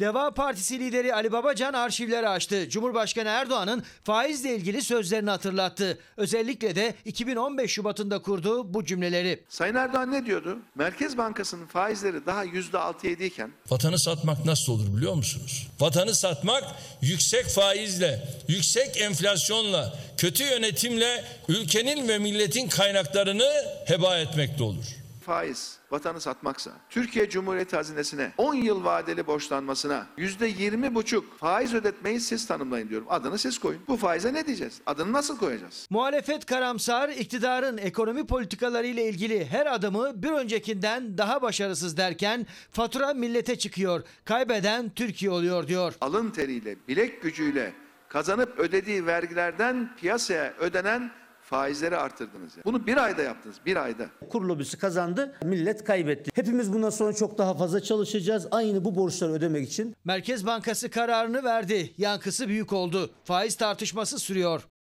Efendim şimdi vergi uzmanı Doktor Ozan Bingöl yanımda. Şimdi kendisiyle tabii ki biz bu hafta içinde konuştuğumuzda bütçe konuşuluyor. Mecliste e, acaba önümüzde nasıl bir tablo var? Bunu konuşalım demiştik ama karşımıza Merkez Bankası'nın kararından sonra bambaşka bir tablo da çıktı ekonomiye dair ve işte geçime dair. Öyle başlayalım istiyorum. Ben de Ozan günaydın, Günaydın. hoş geldin. Merkez Bankası'nın faiz kararı sonrasında Türk lirasının inanılmaz seviyede değer kaybı. Ne dersin? Yani tabii burada e, bu kıymetli iktisatçıların işi ama biz vergi tarafına baktığımızda İlker, e, doların artışı bu anlamda enflasyonu da tetikleyecektir. Ve unutmamak gerekir ki e, enflasyon da özellikle başta ücret geliri elde edenler olmak üzere dar gelirli vatandaşı yoksullaştıran, gelir dağılımını bozan temsilsiz ve adaletsiz bir vergidir aslında. Bu yüzden e, enflasyonun bu boyutunu da unutmamak gerekir. E nasıl olur yani faiz sebep enflasyon sonuç işte düştü faiz düştü 2 puan. E demek ki e, sonuç e, beklenen gibi olmadı burada da. Olmayacağı da belliydi zaten. E, ama e, şunu görmekte yarar var. E, vatandaşın her geçen gün geliri azalmakta. Zaten bir vergilemeden kaynaklı harcanabilir geliri özellikle alt gelir grubuna düşerken enflasyonla birlikte bu daha da fazla düştü. 300 doların altına inen bir asgari ücretten bahsediyoruz. Ki normalde e, 2825 liralık asgari ücretle e, büyük şehirlerde vatandaşın nasıl geçinebildiğinin de daha önce de söyledik. Bilimle izahı mümkün değil zaten. Bunu bir, bir herhangi bir bilimle izah edemezsiniz yani. Ama e, tabii e, hani dolarla mı maaş alıyorsunuz gibi bir soru vardı hatta Deniz abiyle de konuştunuz. Dolarla mı maaş alıyorsun? Dolar borcun yani var. dolarla maaş alıyor olsak zaten endişeye mahal yok. Sorun şu ki maaş dışındaki her şeyi dolarla alıyoruz ama. Maaş dışındaki Maaş her şey dışındaki dolarla. her şeyi dolarla alıyoruz. Bu nedenle e, doğal olarak bunu en e, fazla hisseden yine o alt ve orta gelir grubundaki vatandaş. Şimdi Hazine ve Maliye Bakanı hani kendisinin Lütfü Elvan'ın e, bu olup bitenle bu Türk lirasının inanılmaz değer kaybı ile ilgili cümlelerine çok fazla rastlayamıyoruz ama kuşkusuz çalışıyorlardır hani ne olacak ne bitecek diye. Evet. Öyle olduğunu düşünüyoruz. Ama Çalışma Bakanı'ndan bir açıklama var Vedat Bilgin'den. E, Hak İş Konfederasyonu'nun 46. kuruluş yıl dönümü dolayısıyla bir otel buluşması ve o otel buluşmasında acaba iktidar, yönetenler, kabinedekiler vatandaşın ne yaşadığıyla ilgili nasıl bir fikre sahip, düşünceleri nedir? Bunu hemen bir aktaralım. Bir sıkıntı var, bu sıkıntıyı paylaşacağız ama bu sıkıntıyı aşma konusunda da bizim üzerimize bir görev düşüyor. Kimin üzerine düşüyor? Bu sosyal politikaları uygulayan, sosyal politikalardan sorumlu bakanın üzerine, bakanlığımızın üzerine, devletimizin üzerine düşüyor. Temmuz ayında e, bütün e, şartları önümüze koyarak gerçekleştirdiğimiz toplu sözleşme müzakerelerinden biz emeği koruyan bir netice elde ederek çıktık. Önümüzdeki arkasından memurlar da aynı sözleşmeyi yaptık. Kümülatif artışı dikkate aldığımız zaman hele düşük ücretli memurlarda gerçekleştirdiğimiz artışı önümüzdeki dönemde Sayın Başkan bahsetti. Asgari ücret önümüze geliyor. Bundan, bundan da kimsenin kuşkusu olmasın. Türkiye demokratik bir ülkedir. Demokrasi ancak sosyal devlet politikalarını uygulayan ülkelerde yaşar. Sosyal devlet politikalarını gerçekleştirdikçe, yaygınlaştırdıkça Türkiye'nin demokrasisi güçlenir. Dolayısıyla önümüzde ne yapacağımızı biliyoruz. Türkiye'nin ekonomik sorunlarına karşı kimseyi, çalışanlarımızı, emeğimizi koruyarak, enflasyona ezdirmeyerek yolumuza devam edeceğiz. edeceğiz. Nitekim memurları koruyacağımız 3600'ü sözleşmemize yazdık. Öyle vaat olmaktan çıkardık. Sözleşmemize yazdık. Uygulama sürecindeyiz. Onu gerçekleştireceğiz. Sözleşmeli çalışanları kadro haklarına sahip kılacağız. Geçici işçilerimi sorunu çözeceğiz. Çok güzel bir konuşma, umut dolu bir konuşma. Hele geçim sıkıntısı yaşayanlar, sosyal devletiz biz, yardım edeceğiz. Ama önümüzdeki dönemde hani hangi dönemde, e, şu an ne olacak? Biz hani belki de biz hata yapıyoruz. Yani kısa dönem bugün yarın diye hesaplıyoruz ama orta vadede düşünsek doların bu kadar yükselmesi, Türk lirasının değer kaybetmesi Türkiye'ye, Türk vatandaşına olumlu olarak mı yansıyacak? Biz mi kestiremiyoruz? Şimdi şöyle İlker, e, zaten bir elimizde çok önemli de bir veri var. İstersen onunla devam edelim. Cumhuriyet tarihinde ilk defa bir şey yaşadık biz. 1923 yılından bu yana ilk defa 7 yıl üst üste kişi başına gelir düştü. Yani ne bu e, 2. Dünya Savaşı'nda ne 80 darbesinde yaşanmamış bir olay. Yani Cumhuriyet tarihimizde bir ilki yaşadık. Üst üste 7 yıl kişi başına gelir düştü. Ancak burada başka bir sorun var. Başka bir noktaya dikkat çekmem gerekir. Şimdi kişi başına gelir üst üste 2014 yılından bugüne kadar düşerken en zengin %20'nin en zengin %20'nin milli gelirden aldığı pay %46.3'ten 47.5'a çıktı. Şimdi e, sürekli derinleşen fakirleşme, kişi başına azalan gelir ama birilerinin büyüyen porsiyonları. E, birilerinin porsiyonları böyle büyürken maalesef alt gelir grubunun da porsiyonları küçülmek zorunda kalıyor. Yani aynı durumda %6.2 en yoksul %20 %6.2 pay alırken 5.9'a düştü. Demek ki birilerinin porsiyonları büyürken alt gelir grubunun, dar gelirli vatandaşların porsiyonlarının küçülmesi kaçınılmazdır. O yüzden burada uygulayacağınız politikalar ki e, Sayın Maliye Bakan Yardımcısının işte eşel mobil sistemiyle ilgili söylediği bir söz var. Biz 58,5 milyar bu eşel mobilden kaynaklı e, 58,5 milyarlık bir vergiden vazgeçtik, fedakarlık yaptık diyor. Şimdi bir kere bu fedakarlık değildir. Bu anlamda e, yani enflasyonun sorumlusu vatandaş değil. Bu anlamda e, eşel mobilde e, kurun artmasıyla birlikte akaryakıt fiyatlarının artmasının sorumlusu da vatandaş değil. Doğal olarak burada bir feragat, e, fedakarlık değil, bir vergi politikasının sonucudur bu. Ayrıca e, şimdi vergi sisteminde şöyle bir söz vardır. Bir verginin e, oranı ah, indiyse diğer bir verginki mutlaka artıyordur İlker. E, Şimdi Sayın Bakan e, 58,5 milyarlık bir e, bakan yardımcısı 58,5 milyarlık bir e, feragattan bahsediyor, fedakarlıktan bahsediyor. O zaman biz de vatandaşın yaptığı fedakarlığı hemen söyleyelim. Söyleyelim. Bu vatandaş pandemide, pandeminin başında 5000'e yakın ilave gümrük vergisi, 5000'e yakın üründe ilave gümrük vergisi geldi. İlave onları da söylemek lazım. Vatandaş otomobile en çok ihtiyaç duyduğu dönemde, salgının en yoğun olduğu dönemde toplu taşımdan ya toplu taşımadan e, kurtulup daha işe gidip gelirken izole gitmek için otomobil almayı tercih ettiğinde %160 olan ÖTV %220 oldu.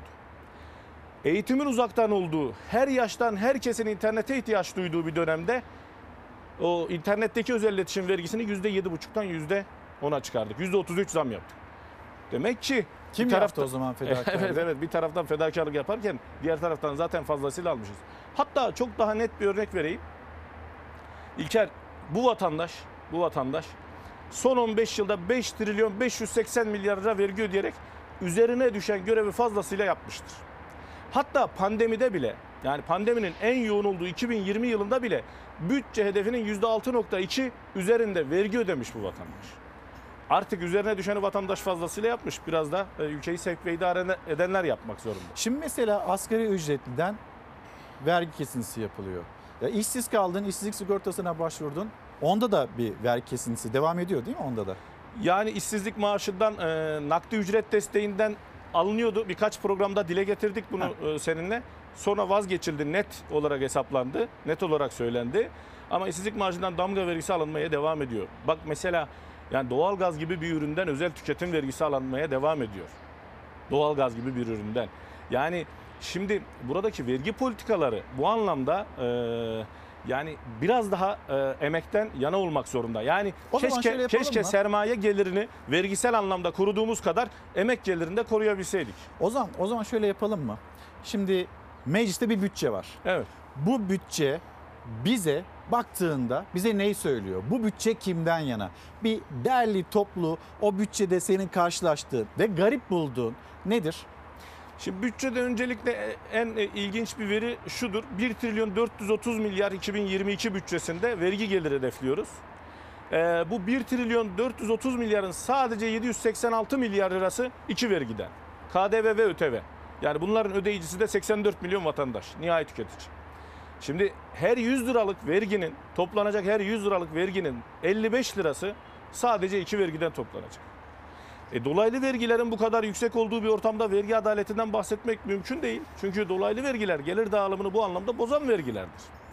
Harcama safhasında, tüketim safhasında ortaya çıktığı için. Şimdi İlker e, burada bizim dolaysız vergi tarafımız da zaten adaletsiz. Çünkü stopaja dayalı yani kaynakta kesintiye dayalı bir e, tutar var. Şimdi rakamlara baktığımızda Bakalım. 1 trilyon 1 trilyon 430 milyarlık bir vergi geliri beklentisi var.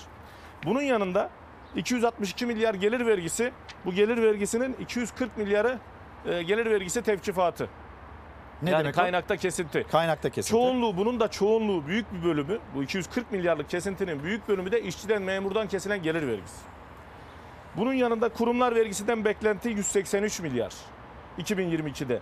Motor taşıtlar vergisinden 25 milyarlık bir gelir bekliyoruz. Özellikle KDV ve ÖTV'den dediğim gibi 786 milyarlık bir gelir beklentisi var. Bunun bunun yanında e, tapu harçlarından da yine yaklaşık 25 milyarlık bir gelir. Bir şeyi anlatır mısın? Ee, Eylül ayında biz bunun haberini yaptık. Yeniden değerleme karşımıza nasıl çıkacak? 1 Ocak 2022 tarihinde ne olacak? Şimdi zaten baktığımızda bizim aslında Eylül'de yaptığımız haberle e, e, doğru orantılı gidiyor bu da. E, biz o zaman şöyle bir şey yapmıştık hatırlarsan İlker. E, Eylül-Ekim enflasyonu yani 31 Ekim ile 31 Ekim tarihleri arasındaki bu yurt içi üretici fiyat endeksine bağlı olan yeniden değerleme oranı hesaplanırken 31 Ekim 31 Ekim tarihleri arasında hesaplanıyordu. Biz o zaman dedik ki Eylül ve Ekim aylarında enflasyon sıfır dahi gelse en iyimser tabloyla yeniden değerleme oranı 2022 yılına uygulanacak e, yani vergilere, harçlara, cezalara uygulanacak yeniden değerleme oranı e, %35.13'tü. %35.13. Bunda e, Sayın Cumhurbaşkanı'nın alt ve üst sınırlarda belirleme yetkisi var ve umarız da bu yetkiyi kullanır. Çünkü vatandaş artık bunu kaldıracak bir güce sahip değil. Bütçeye baktığında Bütçeye baktığımızda da zaten bir %20'ye yakınlık bir artış e, öngörülmüş 2022 bütçesinde. Ha, şunu da söylemek gerekir. Bu da çok iddialı bir artış aslında. 33-35 değil %20. %20 ama e, burada tabii e, Sayın Cumhurbaşkanı'nın yetki kullanıp kullanmayacağını e, 3 Kasım'da Bilmiyoruz. açıklandıktan sonra Aralık sonuna doğru göreceğiz. E, oran 3 Kasım'da açıklanacak. Ama en iyimser tabloyla yeniden değerleme oranı %35.13 bugün itibariyle. Şimdi orada da şöyle bir durum söz konusu İlker. Şimdi biz bu yıla göre önümüzdeki yıl %20'ye yakın bir e, bütçe hedefi koyuyoruz vergi gelirlerinde. E, Şimdi bizim vergi sistemimiz, vergi kompozisyonumuz dolaylı vergilere dayalı. Dolaylı vergilere dayalı bir vergi kompozisyonunda dolaylı vergiyi tahsil edebilmeniz için vatandaşın gelirini arttıracak politikalar üretmek zorundasınız ki geliri olan vatandaş harcama yapabilsin. Rahatça harcama yapabilsin ki biz de dolaylı vergilerden toplayalım e, bu hedefi hedefe ulaşalım. Ama şimdi sen de e, biraz önce söylediğin gibi döviz kuru böyleyken, faiz böyleyken, vatandaşın geliri her geçen gün düşerken, sürekli derinleşen bir fakirleşme, sürekli kişi başına düşen milli gelir, kişi başına düşen gelir İnsanlar var iken, Yağ kuyruğunda. e, var iken İlker, mümkün mü böyle bir hedefin gerçekleşmesi? Yani bu hedef de gerçekçilikten uzak, bütçenin samimiyet ilkesinden uzak. Yani burada daha gerçekçi bir bütçe yapılabilirdi ve bu bütçede e, şimdi Trafik gözümüzde- cezaları 10.5 milyar lira. Bence bu sadece- gerçekçi olabilir. Üstüne bile çıkabilir. Trafik cezalarında evet 10,5 milyar bir beklenti var örneğin. E orada tabii gelir kalemleri yani bizim gelir politikasıyla harcama politikasına da bakmak lazım. Orada giderlere de baktığımızda çok enteresan veriler var. Mesela 240 milyar sadece e, faiz, e, faiz için 240 milyarlık bir e, bütçe hedefi var. 240 milyar. TL. İlker, 240 milyar. Bütçe açığı 278 milyar. Ki son iki yılda faiz dışı açık vermeye başladık. Çok daha tehlikeli bir durum. Şimdi bu faiz ödememiz bizim 2014'lü yıllara kadar 50-55-60 milyar bandındaydı. 2014'ten sonra artış trendine geçti ve şu an 2021 yılının ilk 9 ayında zaten 142.3 milyar faiz ödedik. Fa- 142.3 milyar. Yani biz biraz bu anlamda e, faiz ödemek durumunda kalmasaydık, o bant, e, o trend 2014'lerdeki seviyede devam etseydi, 55-60 milyarlık seviyede devam etseydi, bugün kasamızda önümüzdeki yıl için beklenenden 240 milyardan 180 milyara kalacaktı. Bugün de 142.3 milyar ödediğimiz faizin belki 100 milyara kalacaktı. İşte o faizi ödemediğimiz parayı dar gelirli vatandaşa, asgari ücretliye, alt gelir grubuna dağıtabilirdik. Bu gelir transferiyle de gelir dağılımını bir nebze de olsa düzeltebilirdik. E peki mesela baktın, inceledin böyle detaylı bir şekilde. Ya hiç böyle vazgeçilen bir kalem yok mu vergi kalemi? Vazgeçilen kalem var Ee, söyleyelim. Eşel mobil sisteminin 2022'de de devam edeceğini anlıyoruz bu bütçeden. Çünkü e, bu yıla e, oranla önümüzdeki yıl %1'lik bir artış petrol ve akaryakıttan alınan ÖTV'de %1'lik bir artış öngörülmüş. Ee, bu da şunu gösteriyor bize. e, Yani Eşel Mobil devam edecek. Ama zaten devam etmese de devam etmek zorunda zaten. Bu bir fedakarlık değil. Bu, bu anlamda bir lütuf da değil. Devam etmek zorunda. Çünkü vatandaşın artık yani eskiden ÖTV'siz yakıtı gemiler, tekneler alıyordu. Şimdi herkes ÖTV'siz alabiliyor ama alacak geliri yok vatandaş. Vatandaşın ÖTV'siz alacak geliri kalmadı. Bu yüzden Eşel Mobil'in devam ettiğini görüyoruz. Belki 2020'de yine geçici olarak bazı vergi indirimleri o anki duruma göre yapılır mı? E, bu bütçeden çok onu anlayamayız. Yıl içerisinde göreceğiz. Ama şunu da söylemek gerekir. Burada e, bu tercihtir, bu politika tercihidir bu anlamda. Yani bugün e, akaryakıt 8 lira, e, benzin örnek veriyorum. Benzinde normalde sa- sabit maktu ÖTV 2 lira 52 kuruştu. E, bunun KDV'siyle beraber 3 liraya yakın. Yani bugün 8 lira olmasa biz ÖTV'yi alalım desek, biz bu işten feragat etmiyoruz, fedakarlık yapmıyoruz dese ülkeyi sevk ve idare edenler 11 liralık benzinle e, bu işlerin, e, bu ekonominin yürümesi mümkün değil. Peki gelir kalemini arttıran, vergi transferiyle karşı karşıya kalacak olan kurumlar var mı? Devlet daireleri. Var mı onlardan da? Burada gelir kaleminden ziyade çok dikkat çekici bazı e, veriler var. Mesela özellikle mesela İletişim Başkanlığı'nın e, harcama kalemlerine baktığımızda e, 422 milyon ödenek bu yıl için İletişim Başkanlığı'nda. Önümüzdeki yıl için 680 milyona artıyor. Yani %60'a yakın bir artış söz konusu. Özellikle mal ve hizmet alımı giderlerinde. 422'den 680 milyona e, artıyor. Yani e, keşke vatandaşa da bu e, artış oranında geliri arttırılabilse. E, yani bu tarz e, gelir tarafı ayrı, harcama tarafı da önemli. Yani e, kamuda tasarruf olmadan vergi yükü azalmaz ilk Kamuda tasarruf olmadan vergi yükünü azaltamazsınız. Yani lüks makam odalarını, şatafatlı makam araçlarını, hesapsız makam harcamalarından ziyade gereksiz, işlevsiz, niteliksiz makam rantı peşinde koşulan o makamları kapatmak gerekir. Yani örneğin mesela bu yıl vatandaşa bir gider kısıt, kısıtlaması geldi. Vatandaş şirketine e, bir araç kiraladığında e, yanlış hatırlamıyorsam 6 bin lira, aylık 6 bin liraya kadar İlker e, giderini kabul ediyor, üstünü kabul etmiyor devlet. Çok güzel uygulama tamam. Bu uygulamayı kabul ettik. O zaman bu uygulamayı kamu bürokrasisi de yapsın. Aynı şey kamu kurumlarındaki e, yöneticiler için de geçerli olsun. 6 bin liraya kadar devlet karşılasın. Eğer üstünde bir araç kiralanıyorsa e, özellikle üst yönetimde cebinden ödesinler. Yani her şeyi vatandaştan beklememek gerekir. Hani bir Sivas türküsü söyler ya çekemem bu derdi bölek seninle diye. E, yani vatandaşın artık bu derdi çekecek hali, takati kalmadı. E, o yüzden e, bir toparlamasını yapalım mı o zaman? Ya- Karşımızda bütçe. Sonra işte Merkez Bankası'nın kararı almış başını gitmiş döviz kuru değerini kaybetmiş maalesef değer kaybetmiş ve günden güne saat saat hatta değer kaybeden bir Türk lirası bir toparlamasını yapsana. Yani topar- Nereye varacağız? Toparlamasını artık Hatta politika- bugün başlığımız ben size söyleyeyim. Cümleye böyle başlasan ne olur? Yani ben size söyleyeyim, e, vergi politikaları artık değişmek zorundadır. Vergi politikaları kesinlikle artık değişmek zorundadır. E, sermaye gelirinin vergisel anlamda korunduğu kadar emek gelirinin de artık korunması gerekmektedir.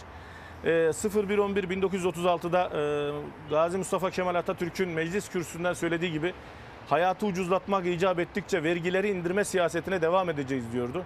Şiar biraz da bu olmalıdır.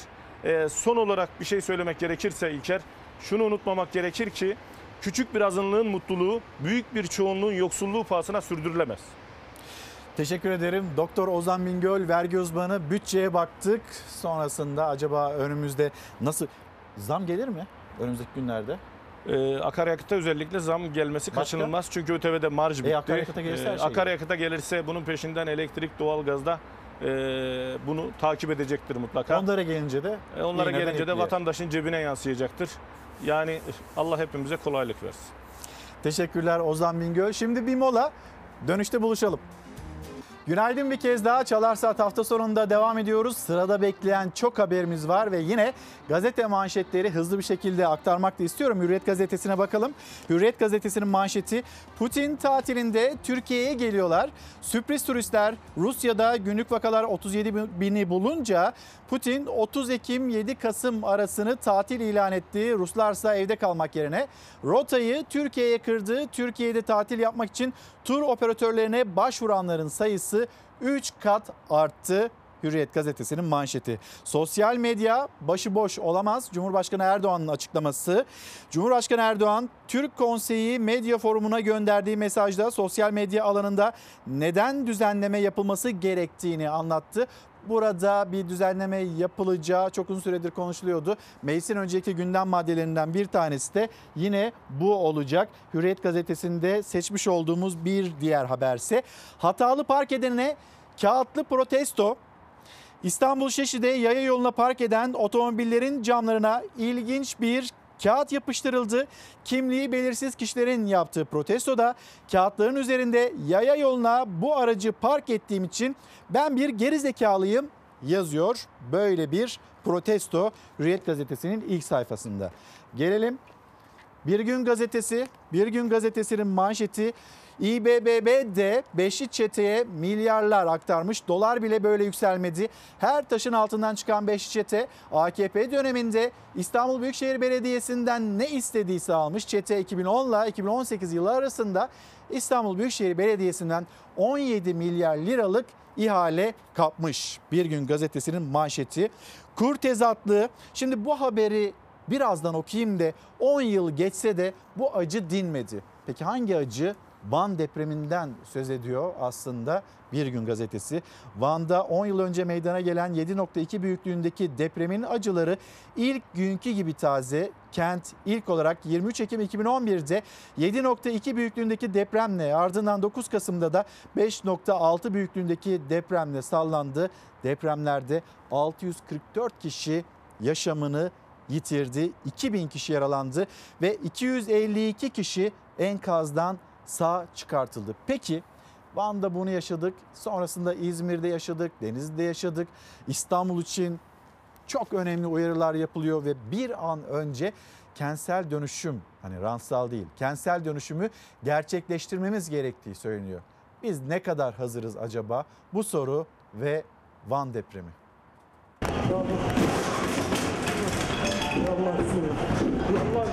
Deprem oluyor.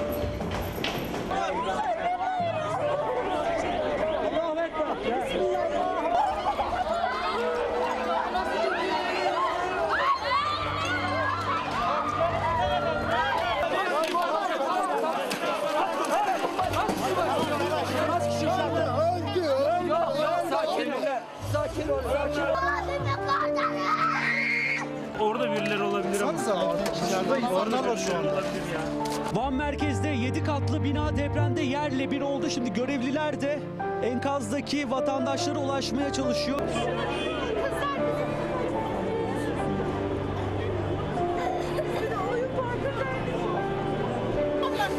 Gel gel gel. Gel gel. Eminönü kapılar üstümüze geliyor. Duvarlar üstümüze zaten. Ya Allah ya Allah ya Allah.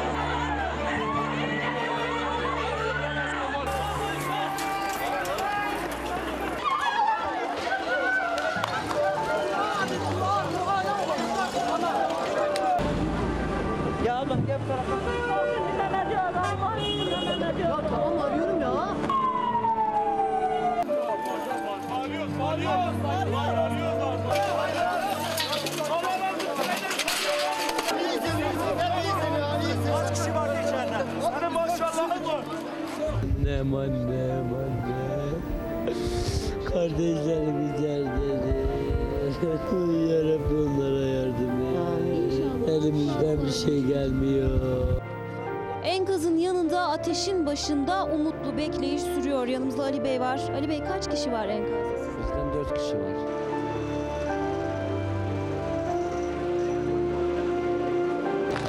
Yaklaşık 23 saat sonra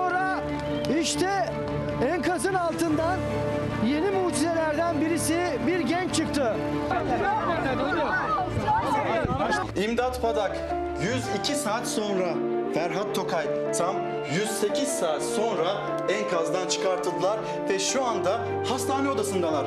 Aynı odayı paylaşıyorlar. Mucizenin adılar. Bir bebek geliyor evet bir bebek. Çok küçük bir bebek.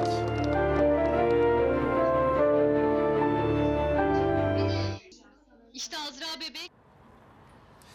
Bir daha böyle acılar yaşamamak dileğimiz ama biz deprem kuşağı üzerinde olan bir ülkeyiz ve acaba ne kadar hazırız? Aklımızda hala bu soru ve yapılan açıklamalar hem diğer tarafıyla ürkütürken bir tarafıyla da maalesef yeterli gelmiyor. Hiçbirimize yeterli gelmiyor. 10 yıl geçti Van depreminin üzerinden. Ne bileyim orada insanlar, sağ kalanlar, onlar yeni yeni konutlarına kavuştular belki ama o acının ne kadar taze olduğunu ve o depremin nasıl unutulmadığını, unutulamayacağını bir kez daha hatırlatmak ve sizinle de paylaşmak istedik. Şimdi ekonomiye e, dair haberlerimiz var demiştik ve bununla devam edeceğiz. Mesela asgari ücret. Asgari ücret dolar karşısında acaba ne kadar değer kaybetti? Şöyle bir son iki haftalık almanak zaten bunu göstermek için yeterli. Sizin alım gücünüzü etkiliyor mu bu durum? Bizim alım gücümüzü etkilemeyi bırak. Yani perişan etti herkesi. 2-3 aydır ben ev kiramı vere- veremedim daha. Dövizin yükselmesi demek fakirleşme demek.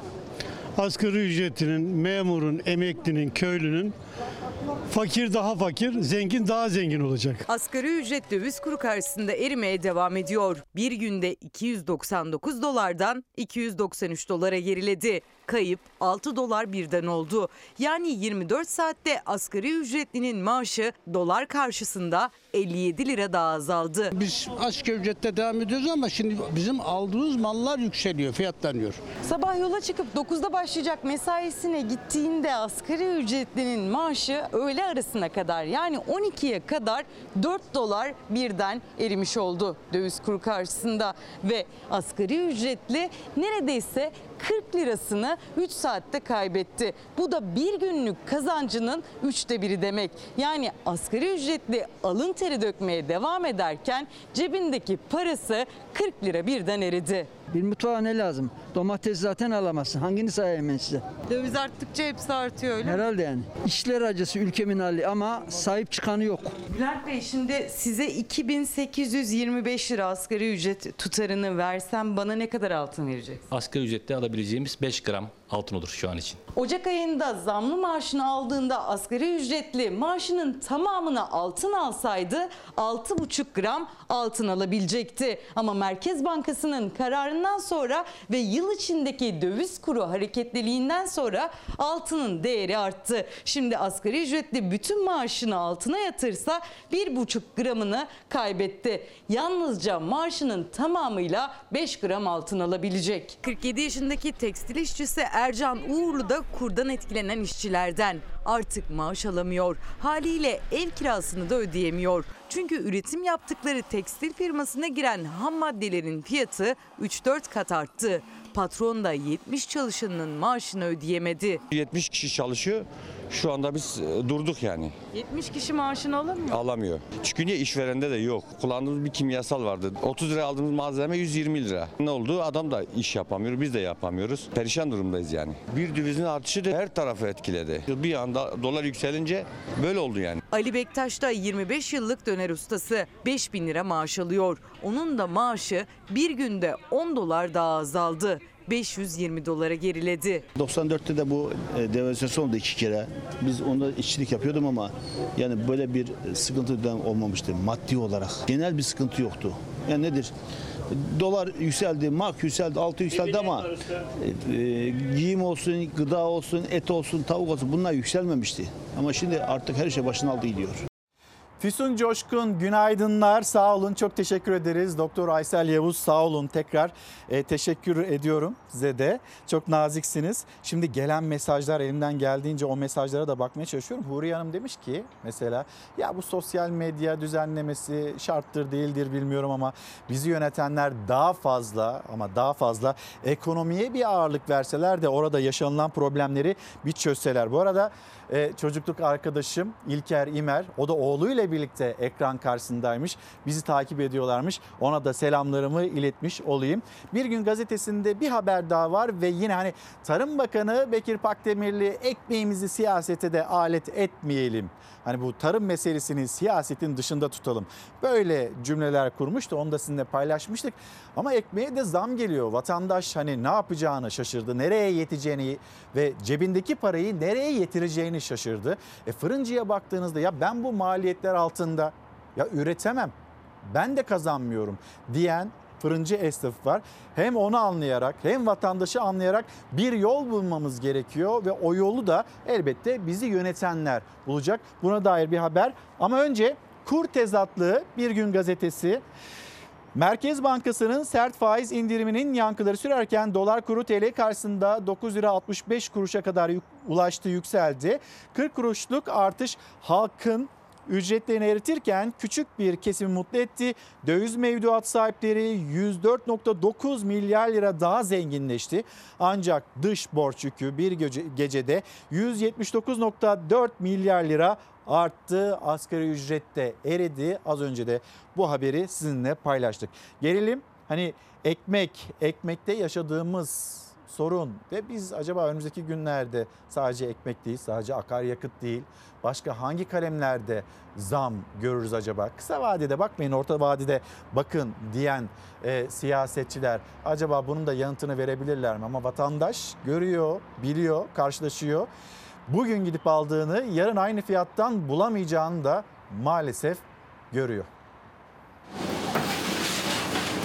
Zam üstüne zam, zam üstüne zam, zam üstüne zam. Ne istiyorlar bizim ekmeğimizden ya, suyumuzdan Allah aşkına ya? Ekmekten ilaca yeni zamlar yolda. Dolardaki artış zaten ithal olan gübreyi daha da zamlandıracak. Akaryakıta gelen zamlar da eklenecek üzerine. Buğdayın maliyetine, un çuvallarına, oradan da ekmeğe kadar ulaşacak. Fırıncı 20 gün önce 190 liraya aldığı unu bu hafta 220 liraya bulabildi. İstanbul'da Fırıncılar Odası ekmeğin 2,5 liraya çıkmasını istiyor. Bir başka temel ihtiyaç ilaç. Dolar ve eurodaki artış nedeniyle ilaçlar zamlanacak. Bazı depolar bu nedenle piyasaya vermiyor. Hormon ilacı bulunamıyor. Buraya geldiğimde eczanelere soruyorum. İşte beni farklı yer- yerlere yönlendiriyorlar ama oradan da şu an tedarik edilemiyor yani ilaç yok. İlaç arıyorum, bulamadım. İlacı? Ne hangi? Mide için. Yok mu piyasada? Piyasada yok. Dolardaki artış yurt dışından gelen tüm ürünlere yansıyacak. Hayati önem taşıyan ilaçlar da buna dahil. Hastalar şimdiden bazı ilaçları bulamıyor. Eczane eczane gezip ilaç arıyor. Var mıymış bu? Yokmuş efendim. Maalesef. Bu Burada da kaçıncı yokmuş. eczane? Altı mı? Altıncı eczane yok. Hastanede yatıyor. Mecbur alınması lazım bu ilaçlar.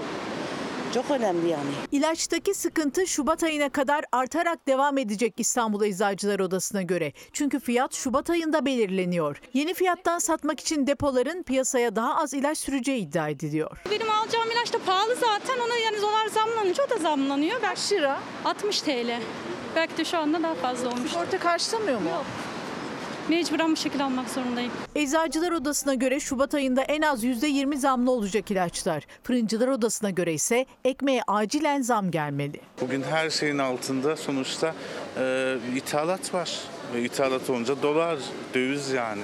Dolardaki artış sadece panoda kalmıyor. Oradan kalkıp fırına kadar geliyor. Dövizdeki artışın temel birçok gıdaya yansıması bekleniyor. Onlardan biri de ekmek. Unlara da her hafta zam geliyor. 20 gün önce 195 lira aldığım unu şimdi uncuyla görüştüm 220 lira diyor. Bir ekmek iki buçuk lira olur mu? Bir simit iki buçuk lira olur mu? E, bugün susamın kilosu olmuş 25 lira en az. E, onun e, torbası olmuş yani çuvalı olmuş bugün 200'ün üstüne çıkmış. 2 lira 50 kuruş olacağı söyleniyor. Yani ekmekçiler de haklı. Her şeye zam geldi. Ona zam geliyor. Ee, onu getiren arabanın yakıtına zam geliyor. Dövize zam geliyor. Her şeye zam geldi. Gülüm millet aç aç.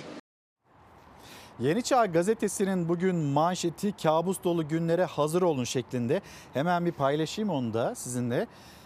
Deva Partisi lideri Babacan iktidarın faiz kararı sonrası ekonominin alt üst olduğunu söyledi. Ali Babacan yüksek kur, daha yüksek enflasyon ve hayat pahalılığı olarak vatandaşın üzerine kabus gibi çökecek.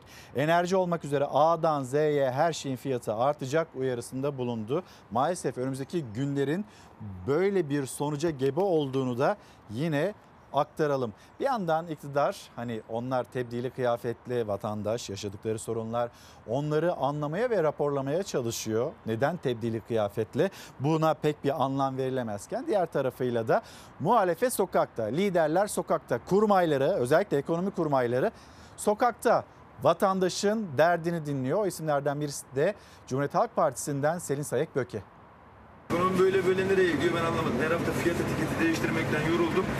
barkod sistemim var. 5000 kalem ürün var burada. Her hafta 5000 kalem üründe en az 150-200 tane üründe fiyat etiketi değiştiriyorum. Yoruldum. Barkod, barkod sisteminde sinirlendim. Kaldırdım. Elimizde bu fiyat etiketimizi verir misin? Onunla tık tık tık toptancı ne demişse 25 kuruş 50 kuruş üzerine koyup satıyor. Mesela bu hafta, geçen hafta gittiğim atıyorum şu gömleği 50 liraya aldığımda bu hafta 60. Önümüzdeki hafta zamlı satın diyorlar çünkü 65 olmuş. Her hafta sürekli bir zam. Her hafta. Dolara bağlı, euroya bağlı. Her gün yükseliyor. Zaten yerinde durmuyor. Çok kötü. Yani bir haftası bir haftasını tutmuyor. Çoğunu kendimiz yapıyoruz ürünleri. O halde bile insanlar... üreticisiniz aynı zamanda. İstanbul'da evet. Depomuz var, atölyelerimiz var.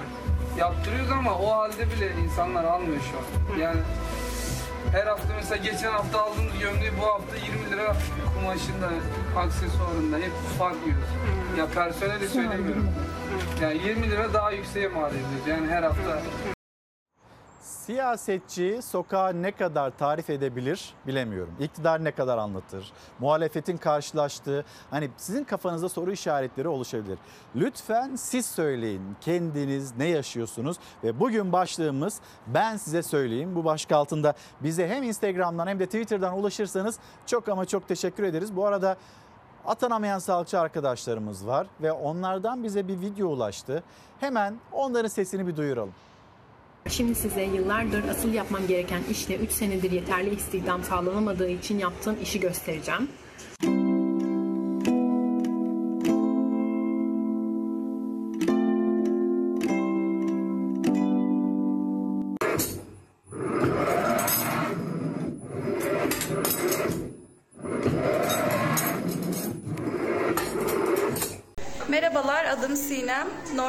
Hemşirelik mezunuyum ama şu an öğretmenlik yapıyorum gördüğünüz gibi.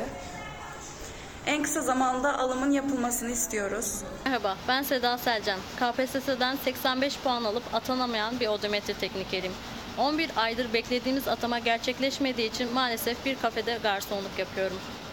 Merhabalar, ismim Emre. Ağız ve diş sağlığı teknikeriyim. KPSS'den 87 aldım ama atanamadığım için şöyle göstereyim. Markette çalışmak zorundayım. Merhaba, adım Melike. KPSS'den 80 puan aldım. Ee, Orta öğretim hemşiresiyim ama e, henüz alım olmadığı için ihtiyaçlarımı karşılamak adına dikiş nakış yapıyorum. Bu iğneleri tutuyorum. Merhaba ben Engin, laborantım. KPSS'de 86 aldım ama atam olmadığı için şöyle göstermek istiyorum. Markette çalışmaktayım. Ayten Karaduman günaydın çok sağ olun geçti inşallah. Aynur Erden, e, Gülay Hanım hem Türkiye'nin gündemini hem de bizi takip eden izleyicilerimiz onlara da selamlarımızı iletmiş olalım. Melahat Hanım Antalya'dan günaydın diyor. İbrahim Doğansa ben size söyleyeyim bu ekonominin kısa vadede toparlanması mümkün gözükmüyor bir vatandaş değerlendirmesi. Şimdi bize ulaşan kitaplar var. Bir kısmını hemen şimdi göstereyim. Gülşah Elikbank Yalancılar ve Sevgililer Ölüm Perest. Ömer Erdem Güneş Kalır Bir Başına ve Ümit Doğan'dan bir araştırmacı, kendisi tarih araştırmacısı bize ulaşan iki kitap. İskilip, İskilipli Atıf Gerçeği kayboldu sanılan mahkeme tutanaklarıyla ve Hurafeler Atatürk'e yönelik kara propaganda Ümit Doğan tarafından yazıldı. Bizimle de paylaşıldı. Şimdi hızlı bir memleket turu yapalım. Önce ilk durağımız Ankara Beypazarı. Örnek olsun diye kurulmuştu bahçe. İhtiyaç sahiplerine destek oldu. Belediyenin kurduğu bahçede bu yıl elma hasadında rekor kırıldı. Üretmiş olduğumuz bu meyve bahçesinden bu yıl itibarıyla 50 tonun üzerinde e, elma hasat ettik. 5 yıl önce çiftçiye örnek olsun diye bir pazar kurmuştu Ankara Beypazarı Belediyesi. O bahçe onlarca ailenin sofrasına meyve ve sebze yetiştirdi. En çok verimse elmadan alındı. 50 tonla rekor kırıldı. Belediye Başkanı Tuncer Kaplan elma hasadından toplanan ürünlerin ise sosyal yardımlaşmada kullanıldığını söyledi. Bunun birçoğunu e, sosyal yardım olarak ilçemizdeki fakir fukaralara dağıttık. İlçemizdeki ihtiyaç sahiplerine dağıttık. İlçemizdeki birçok çiftçilikle uğraşan e, arkadaşlarımıza da göstermiş olduk. Yani böyle güzel bir projeyi işletmiş olmak, böylesi güzel bir projeye de ev sahipliği yapmış olmak, e, şahit olmak gerçekten çok güzel bir duygu. Kürşat Bey günaydın. 8 ay önce Rize'den geldim. Rize'de geçen Ekim ayında 2 liraydı. Ekmek bir ay geçmeden 2,5 lira oldu. Şimdi bu zamla birlikte herhalde 3 lira olur diyor. Ee, Kürşat Tufan Bey'in mesajı bu şekilde ve şimdi Ankara Beypazarı'ndan bir Tokat'a gidelim. Erbaa'nın narincesi Avrupa yolunda bu yıl ihracat rekoru kırdı. Hedef 200 milyon liralık gelir. Çok mutluyuz.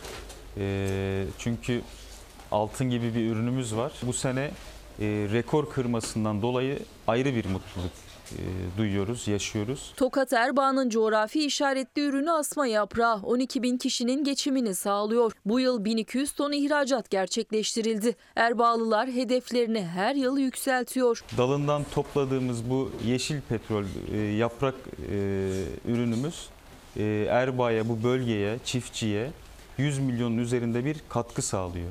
Biz bu 100 milyonu inşallah 200 milyonun üzerine çıkararak elimizden gelen her türlü desteği de sağlayacağız. Erbaa Belediye Başkanı Ertuğrul Karagöl yaprağın tanıtımı için fuarlara katıldıklarını, üreticilere her türlü desteği verdiklerini anlattı. Tanıtıma verilen emek ihracat olarak geri döndü. 16 tane ülkeye e, ihracat gerçekleştirdi. Bu sene e, ihracatta rekor kırdı.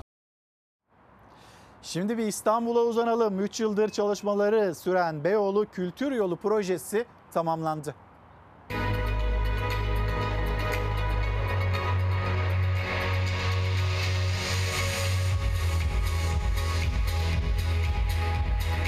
Galata Port'tan Atatürk Kültür Merkezi'ne kadar uzanan güzergahta mimariden edebiyata, resimden müziğe, tasarımdan tiyatroya, Beyoğlu'nun büyülü dokusunda geçmişten geleceğe bir kültür sanat yolculuğu başlatıyoruz.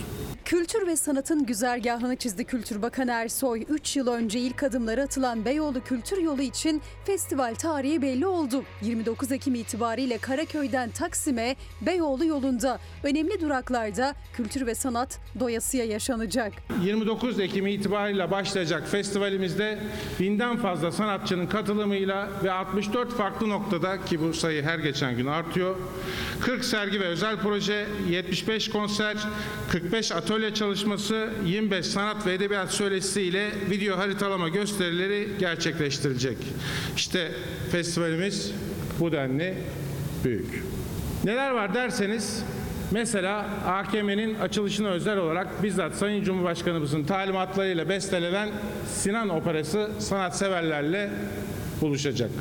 Beyoğlu Kültür Yolu'nda. Tophane, Galata Kulesi, Galata Mevlevihanesi, Mehmet Akif Ersoy Hatıra Evi, İstanbul Sinema Müzesi ve Atlas Sineması, Emek Sineması, Taksim Camii Kültür ve Sanat Merkezi, Atatürk Kültür Merkezi önemli duraklar. Bu kapsamda 3 yıldır süren çalışmaların tamamlandığını açıkladı Bakan Mehmet Nuri Ersoy. Bu festival ilk ve sonbaharda olmak üzere her yıl iki defa yapılacak. Beyoğlu Kültür Yolu'nun İstanbul'un ve Türkiye'nin uluslararası markası haline gelecek.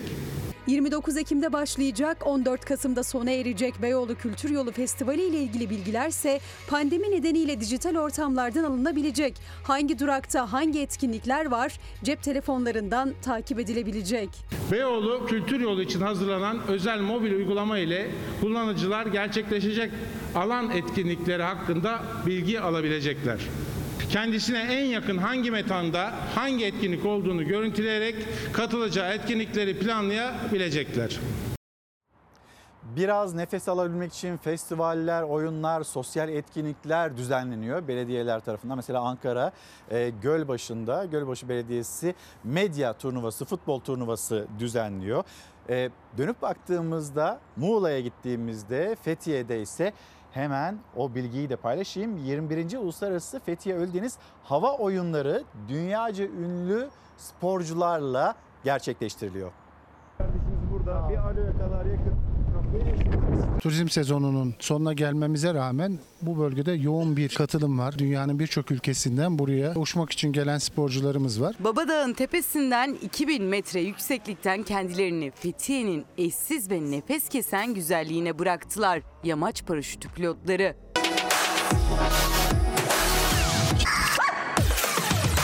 21. Uluslararası Fethiye Ölüdeniz Hava Oyunları dünyaca ünlü yamaç paraşütü merkezi Babadağ'da gerçekleşiyor. 4 gündür dünyanın dört bir yanından gelen konukları ağırlıyor. 60 ülkeden 2000 sporcunun katıldığı dev organizasyonda gökyüzü hava oyunlarıyla rengarenk oldu. Fethiye Belediye Başkanı Alim Karaca da Babadağ'dan eşsiz Fethiye manzarasına bıraktı kendini.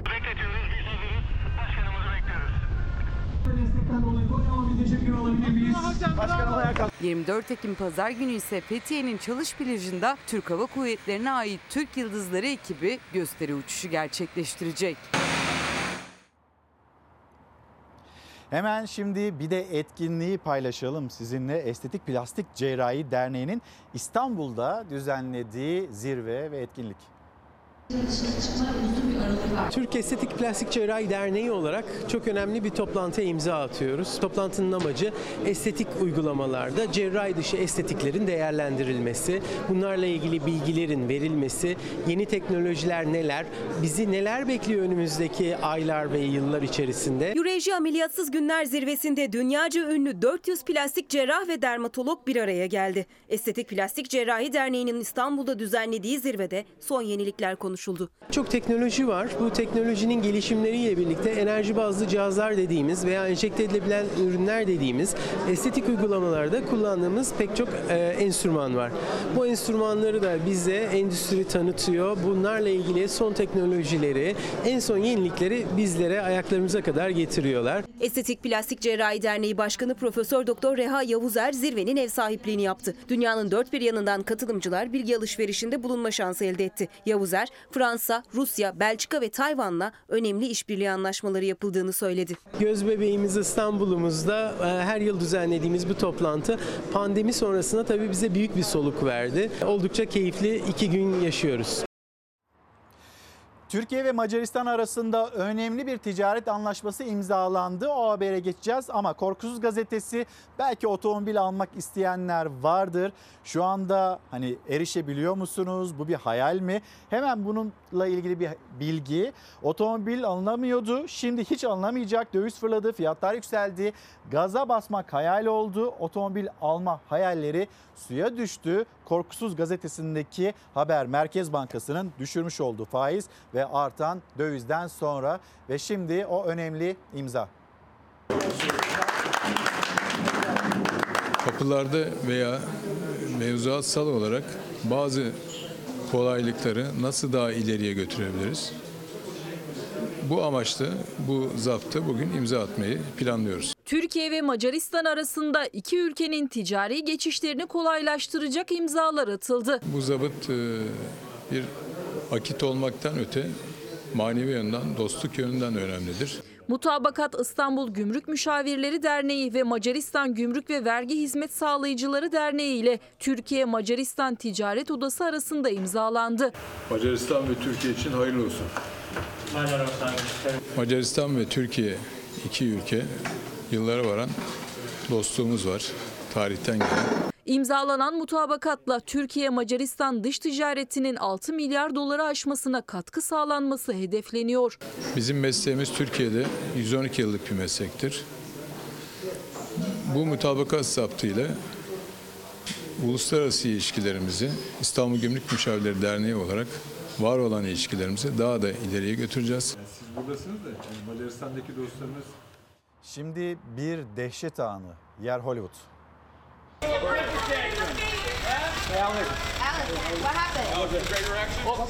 Film çekimi cinayetle bitti. Dünyaca ünlü aktör Alec Baldwin rol gereği ateşlediği silahla görüntü yönetmenini öldürdü. Akıl almaz olay 63 yaşındaki Baldwin'in Rust isimli kovboy filmi setinde yaşandı.